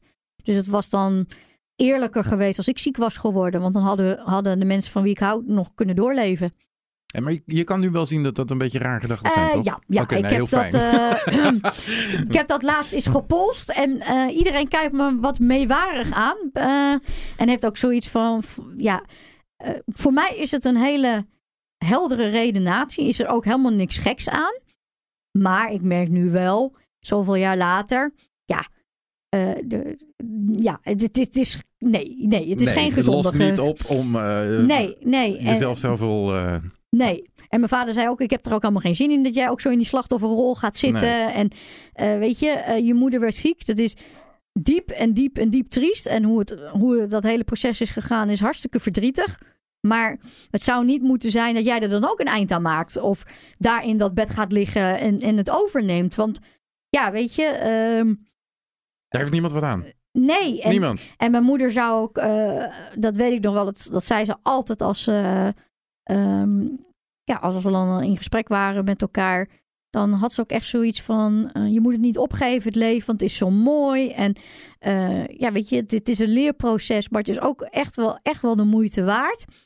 En um, ja, heel lang heb ik dat niet gevoeld. Maar ik moet eerlijk zeggen, de laatste paar jaar voel ik dat ook echt. En zijn die woorden van je moeder daarin ook belang belangrijk? Dan? Ja, heel belangrijk. Ik, ik, gebruik ze bij elke lezing. Uh, vertel ik ook iets over haar. Omdat ik, ja, mijn moeder ergens toch ook wel een schakel is geweest om weer omhoog te gaan. Ja. En hoe erg ik er ook nog mis. Want dat gemis is verschrikkelijk. En ik heb het idee dat het alleen maar erger wordt. We zijn inmiddels tien jaar verder, maar het doet bijna nog meer pijn dan toen ze overleed. Omdat toen ze overleed was er vooral opluchting dat haar lijdensweg gestopt was. Want het was verschrikkelijk. Het was echt, echt niet om aan te zien um, hoe ze erbij lag en hoe ze helemaal verkrampt was en gewoon niet meer mijn moeder was. En uh, ik weet nog dat ze bij de, uh, mijn moeder, uh, hebben ze zeg maar dan in het uitvaartcentrum aangekleed en, en weer mooi gemaakt. En toen had iemand gezegd van, um, deze vrouw is wel achter in de zestig hoor. Nee, deze vrouw is 53. En toen zei diegene letterlijk, wat moet zij geleden hebben? Ze kon dus gewoon aan het lichaam zien dat ze was gewoon oud geworden. En door, door alle vergroeien en alle pijn en alle ellende. En, en dan denk ik ook van, ja, ze heeft verschrikkelijk uh, geleden. En daarom was die opluchting de eerste paar jaar zo groot. Ja. Maar ja, daarna komt eigenlijk het gemis. Uh, mijn zusje heeft inmiddels drie kinderen, weet je. Die zijn zonder uh, mijn moeder opgegroeid. Terwijl ja, ze zouden zo gek op zijn geweest. Dus ik zie hoe mijn vader gek met ze is. En mijn moeder zou dat, zou dat net zo hebben. En ja, we fantaseren ook nog wel best wel veel um, over hoe het zou zijn als mijn moeder nog zou leven. Of ze dan nog in ons ouderlijk huis zou wonen. En wat ze dan zou doen. En hoe vaak ze dan bij de kinderen was. En, maar ja, dat zijn allemaal dingen die, waar je nooit meer een antwoord op gaat krijgen. En Nee. dat doet wel pijn. Maar ze blijft wel een onderdeel. Zeker, zeker. Ja hoor, Ja. dat eh, verandert niet. En de kinderen weten ook alle drie wie oma Monica is en wat ze voor ons betekent. En eh, ja, dat, dat, dat, we houden er echt wel levend door onze herinneringen. Ja, dat vind ik wel heel fijn. Ja. Ja, Dat klinkt ook zo. ja, ja het is echt, echt heel fijn. En, en René, heb jij ook nog iets wat je eh, voor de komende vijf jaar een soort van hoopt dat eh, verandert of verbetert? Nou ja, het enige wat ik echt, echt hoop, dat is dat uh, nog eerder de buien aanvoelt komen. En dat als we zeggen van neem een uh, oxepam in, dat ze dan niet zegt van ja, maar ik heb gisteren ook al een oxepam ingenomen. Niet eigenwijs. Eh, en dat Ja. ze dat dan ook doet. Ja. En want dat voorkomt heel veel. Ja. Dat is wat ik eigenlijk hoop. En denk je dat, dat- ik, volgens mij, je zit heel hard te knikken, dus volgens mij ben je het daar wel gewoon mee Ja, daar ben ik het helemaal mee eens. Dat, Ja. dat, en dat is ook een beetje misschien ook die, die, die scheidslijn waar ik het dan net over had. Ehm, ik zou er naartoe willen dat ik inderdaad die buien nog wat eerder voel aankomen. En ik heb ook heel lang gedacht dat ik dan als ik zo'n bui al, al had, maar dat had ik dan niet zo goed door, dat ik nog steeds de regie had.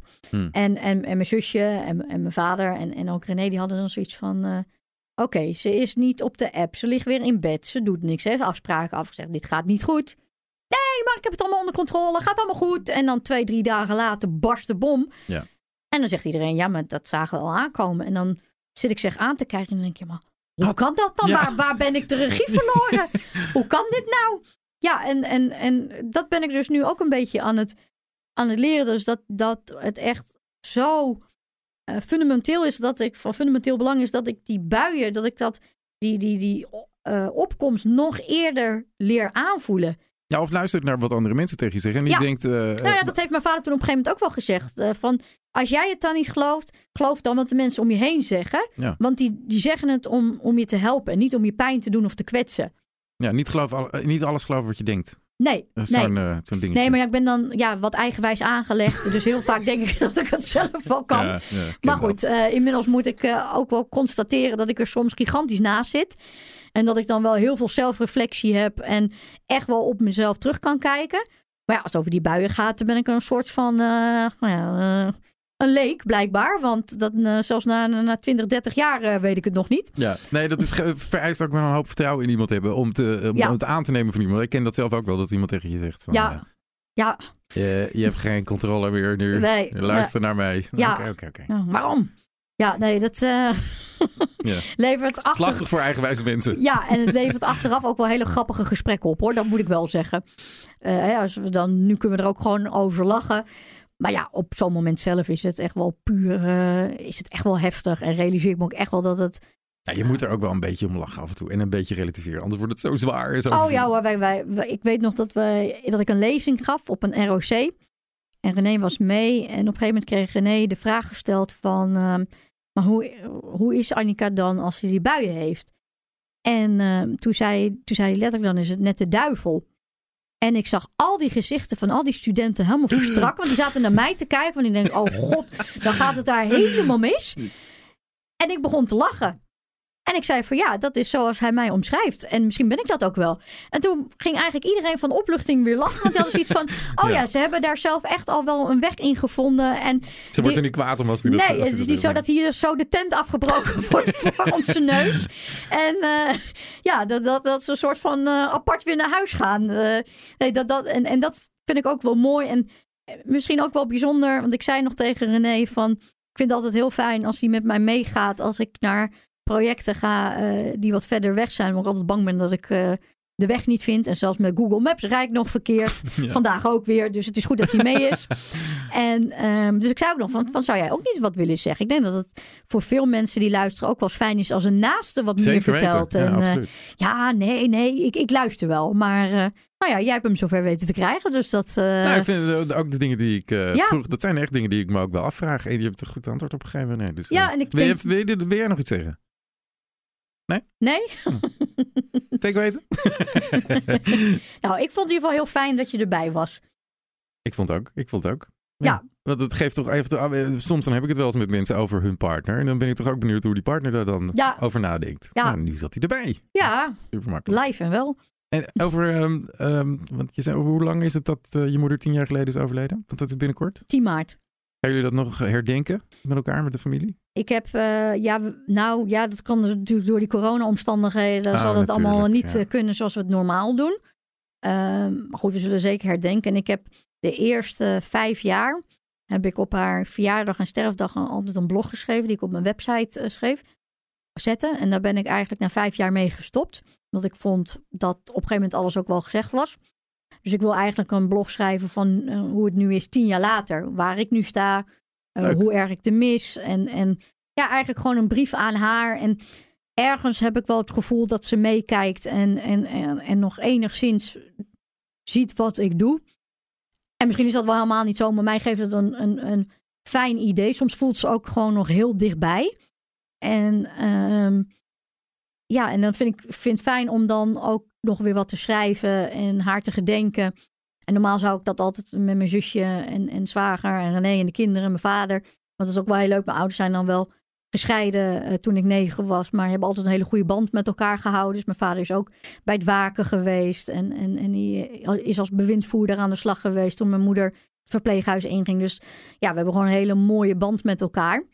En mijn tante komt meestal uh, nog. Mijn oma is inmiddels overleden. De moeder van mijn moeder. En dat is wel heel gek, want het was precies een jaar, een maand en een dag na mijn moeder. Dus dat, dat, dat verzin je toch ook niet? Nee, nee, nee. Moet, ik, ik moet ook nooit zo te veel over nadenken nee. over dat soort uh, verbanden. Want... Nee, ja.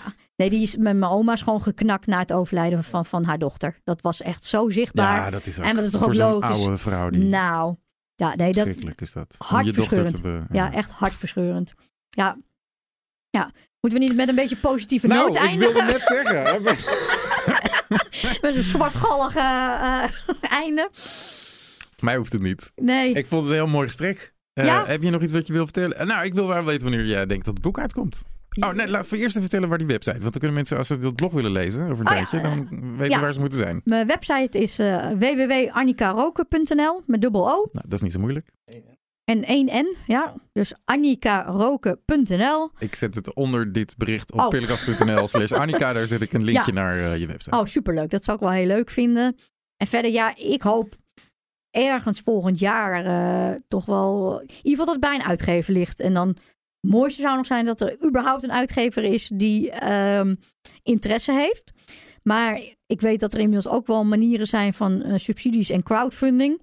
Dat als geen enkele uitgeverij het zou zien zitten, dat je misschien gewoon zelf. ja, in eigen tuurlijk. beheer eh, kan doen. Dat is wel het mooie van deze tijd. Dat, eh, het verhaal gaat er hoe dan ook komen. Alleen, ja, door wie is nog eventjes eh, ja, de vraag. En er is al wat meer van je te lezen, hè? Want er is ook nog een, eh, een verhalenbundel, is er, waar jij ook in staat. Ja, ja, een verhalenbundel van uitgeverij Toby Vroeg, waar ik een winnend eh, wedstrijdverhaal heb geschreven. Kijk, Toevallig over zelfbeschadiging, dus komt Kijk. het weer terug. Ja.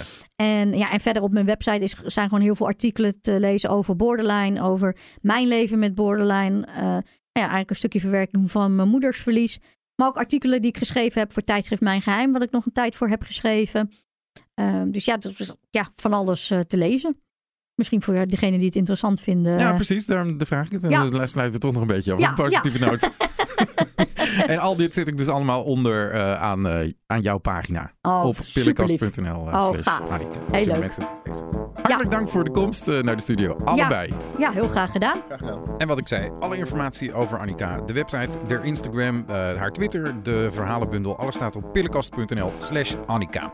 Heb je zelf hulp bij psychische problemen nodig, dan weet je het inmiddels. Neem contact op met je huisarts. En bij gedachten aan zelfmoord, bel alsjeblieft met 113 en praat erover. Volgende week een nieuwe Pillenkast. Graag tot dan.